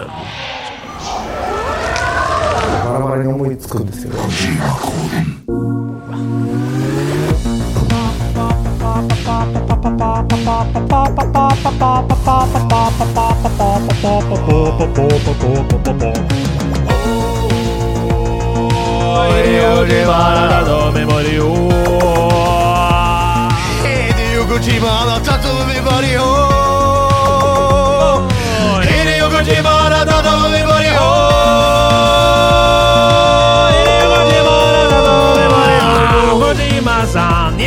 Velkommen til Kojima-koden! I Kojima-koden så har Hidio Kojima tatt over Sebastian og min sin kropp. Nei, amen. Eh, ved å lage en slags rebus som eh, dere må løse. Ok. Og i det første, den første Kojima-koden så er det jeg som har laget en kode. Og dere to må slå hodene sammen og jobbe sammen for å prøve å løse hvilket spill det er vi skal fram til. Ok. Ja, den er vanskelig, men det skal være vanskelig i første ledd. Dere har to ledd på å klare oppgaven, og her kommer det første leddet. Samarbeid, snakk sammen, dialog er nøkkelen til løsning. Her kommer eh, første ledd. Senk blodtrykket kjapt og ta det med ro. For du må innse at det her, det er livet ditt nå. Senk blodtrykket kjapt og ta det med ro. For du må innse at dette her, det er livet ditt nå. Jeg begynte med en gang å tenke på Bloodborne. Ja, samme blod. her. altså Jeg begynner å få det inn i Senka blodtrykk, liksom. Ja, for det nevnes blod, og så tenker jeg også det. Og det er livet ditt nå. Ja, du, du blir jo en hunter der, sant, og du må jo leve Ja. da, så Det er vel mer et sånn This is my life now. Det er på en måte det det spiller på. Det, Ja, men, det, men ja, ikke sant. Altså, senk blodtrykket. Så ro deg, ro deg ned. Senk blodtrykket kjapt og ta det med ro, for du må innse at dette her, det er livet ditt nå. Senk blodtrykket kjapt. Ja, kjapt, men vet du hva? Vet du hvor du bare skal lære deg å chille? Mm. Det er et spill Andreas spiller. Dette lukter Eurotruck Simulator. Oi. Fordi det er livet hans. eh, Kan bli Ja. livet ditt nå, liksom. Du skal bare senke blodtrykket, høre på podkast. Det er veldig sånn typisk Dette er, li dette er livet ditt nå. Sånn, Ja. Livs, eh, tidsoppslukende spill, sikkert. Ja, ikke sant? Skal vi, skal vi gamble på det? Bare som første ledd? gå, Altså. gå for det? Ja, OK. Skal vi prøve? Er du, ja? Det er jo helt eh, fantastisk, for det er jo et mye bedre svar enn det som er det reelle svaret på denne oppgaven. Så dere får en slags kred-poeng fra meg, men det er selvfølgelig feil. Ja, det er feil, ja. uh, her er et kred-poeng, vær så god. Takk, takk. Uh, her kommer ledd nummer to. Husk på det. Dere må liksom senke og ta det med ro, for this is my life now. ok? Her er ledd to. Du må gråte dine tårer og svette til kjelen fylles. Og kommer du deg opp, skal du med rette hylles. Getting over it. Det er livet nå. Du Jeg vet ikke hva det har med liv og noe, men jeg tenker Men med Kommer du sjela til og toppen? Er tårer. Spiral. Å komme, å komme liksom til topp. Jeg tenkte med en gang Kan, kan du si det på nytt igjen? Du må gråte dine tårer og svette til kjelen fylles. Ja, sjelen. Og kommer du da opp. Ja, kommer opp på toppen av så skal du med rette hylles. Jeg har spilt mye Getting Over It. Jeg tror det er Getting For du er sjela, du må komme deg opp, og det er liksom tårer og Go for it. Jeg har ikke noe bedre svar. Getting Over It. Det er Helt riktig! Yes! Getting over it with Bennett Foldy! Det er riktig svar. Og det er jo det, altså, det er jo et sånt rage game, ikke Å, sant? nei, vet du hva? Så for, å- nei, men hør nå. For å komme deg til toppen, så må du roe deg, chille, ta det med ro, innse sånn Ja, jeg kommer til å falle ned til bånn, men det er bare, en vei, på, det er bare på vei mot målet. This is my life now. Jeg er uenig med at det er et rage-spill, for jeg, har, jeg, har, jeg tror jeg har nærmere 70 timer på det spillet. Å ja. Jeg, eh, jeg tror jeg har runda det sånn nesten sånn Ja, for jeg digger det også. nær 30 ganger nå. Men man kan bli jeg, eh, rasende. Ja, men, for, men nå, nå begynner jeg liksom å kunne. Da sitter liksom nå, Jeg har det kun chill med det spillet. Jeg skjønner hva du. Og det er liksom eh, Jeg syns det, det, er bare, det var fint. Jeg, jeg tror jeg liksom har runda det på Jeg tror sju minutter, rekorden min. Og det er det sjukeste jeg har hørt! Dette her er oh! Dette er stream. Du må komme på vår neste VLDD-stream og vise dette. Ja. Speedrun. Jeg Men, hadde en- å, jeg å, vent. Herregud. Hideo Kojima tar noen opp også? Å nei! Å nei. Ok. Da må, vi, da må vi jobbe sammen da, for å skjønne koden. Kun en smakebit, men akk så bra. Kanskje skumlest av alle, og vi ville ha. Vi gledet oss stort til noe kjent, men nytt. Men sånn ble det ikke. Vi ble snytt. Ja, dette er PT. Eh, nei, dette er Oi, det PT. har det noe med Kojima å gjøre? Da kan det være PT. Ja, det, det, det er fordi eh, En liten smakebit, og kanskje det skumleste av alle Det er jo et av de skumleste spillene som kom noen gang. Og det Som skulle være en demo for Silent Hills, som skulle være spillet til Hideo Kojima. Som og- aldri kom. Som aldri kom, ikke sant? Og det Mm. var så drita skummelt! Det er så, det er, det er så ettertrakta, det spillet nå, at Ja. man selger PlayStation 3s på Var ikke det fire? Ja, eller, eller fire. På eBase med det spillet installert på harddisken. Fordi du kan jo ikke få det noe annet sted. Mm. Nei. Dritdyrt! Fordi folk vil ha den skumle opplevelsen. Jeg tror Ja. jeg, Det må være PT. Ja. gå for PT? En playable teaser, og det var det. Noen minutter briljans var det vi fikk se. To regissører. Del Toro var topp, men nummer én sjøl har tatt over min kropp! Det er selvfølgelig The PT med Kojima og Del Toro. Første ledd, veldig bra, gutta. Fantastisk, fantastisk. Å, det var så bra! Jeg, ha, altså, jeg hater jo skrekkspill, men jeg er veldig glad i survival horror-spill. For jeg, jeg mener at det er noe annet enn skrekkspill, hvis du skjønner hva jeg mener. Mm. Skrekkspill er jump scares og hopper ut på deg og sånn. Ja, det survival horror handler om å survive, først og fremst. Derfor så mener jeg at The Last of Us er et survival horror-spill Ja. til tider. Ja, hvorfor ikke? Ja, altså, det finnes meget eh, gode horroropplevelser der ute. Ja, så det er bare å hive seg på. Utrolig fine Kojima-koder. Og ved det så er vi ved veis ende. To er- timer! To timer har gått fort. Tusen hjertelig takk for besøket, Markus. Det var utrolig gøy å ha besøk av deg. Tusen takk for at jeg fikk komme. Det har vært kjempehyggelig å være her. Ja. Eh, jeg har veldig lyst Altså Alle gjestene som kommer hit, spør jeg alltid om sånn Du, kan ikke vi lage Sidequest, som er den lille sidepodkasten jeg lager? Som er sånn en halvtime om et spill, f.eks. Ja. Har ikke du lyst til å lage Sidequest med meg? La, snakke litt om Kingdom Hearts, eller? Åh, gjerne. Da, da har jeg booka ny gjest! Å, du vet hva, Det er så bra jobba. Og så vet du hva jeg vil at den sidequesten skal inneholde? Nei. Keyblade Battle. Oi! Lett. Men hei, du, nå har vi fått mange nye form. Streams-ideer. Jeg ser for meg sånn Rage Game-teamen, hvor du bare spiller Rage Games. Det er ene. Og så etterpå Keyblade Battle med sånn uh, gelébryting. Oi! Gelébryting. Det vi får se. Vi tar på deg noe Borat-trusse der og Keyblade, og så kjører vi på. Nei. Vi skal, dette skal holdes korser, og sånn Det var vi enige om på forhånd. Men uh, husk da, folkens, at vi har et nydelig Discord-community, så du kan gå inn der og bli en del av nederlandslaget. Vi har en internettside over i nederlandslaget.no hvor du kan gå og kjøpe merch. Oh! Og der kan du lese anmeldelser, bli med i konkurranser og konkurrere selv i morsomme musikalske ting. Din anmeldelse er der nå, når du hører på denne episoden. Av Gollum. Ja, jeg leste den tidligere i dag. Du visste til Ja, men hvis, hvis du leste den på jobb, da var fint. Å, så bra! Det var så fint, det var så fint ordbruk, og det var, det var bare en Tenker du på sekvensen kukke til kukkekukk? Er det den du tenker på? Ja. Men eh, så er det det jeg er kjent for, så er det å holde meg saklig. Men eh, den er, altså, hvis du lytter til den i kontekst, så kanskje det er bedre. Men altså, herregud, jeg står for kukkete kukkete kukk. Ja, ja, og Amnesia The Bunker ligger der altså nå, når du hører dette. Og ikke en eneste kukk i Amnesia. Og tusen takk for at dere har hørt på. Vi trekker nå krakken bort fra glasset, vi, og ønsker dere en herlig nerdete dag. Vi er jo kjent for å la gjesten si de viktigste visdomsord når vedkommende skal avslutte episoden. Hva er det viktigste lytterne kan ta med seg? Uh, ikke skrens på elsparkesykkel hvis du henger med Tonje Gilje. Det er et gammelt jungelord!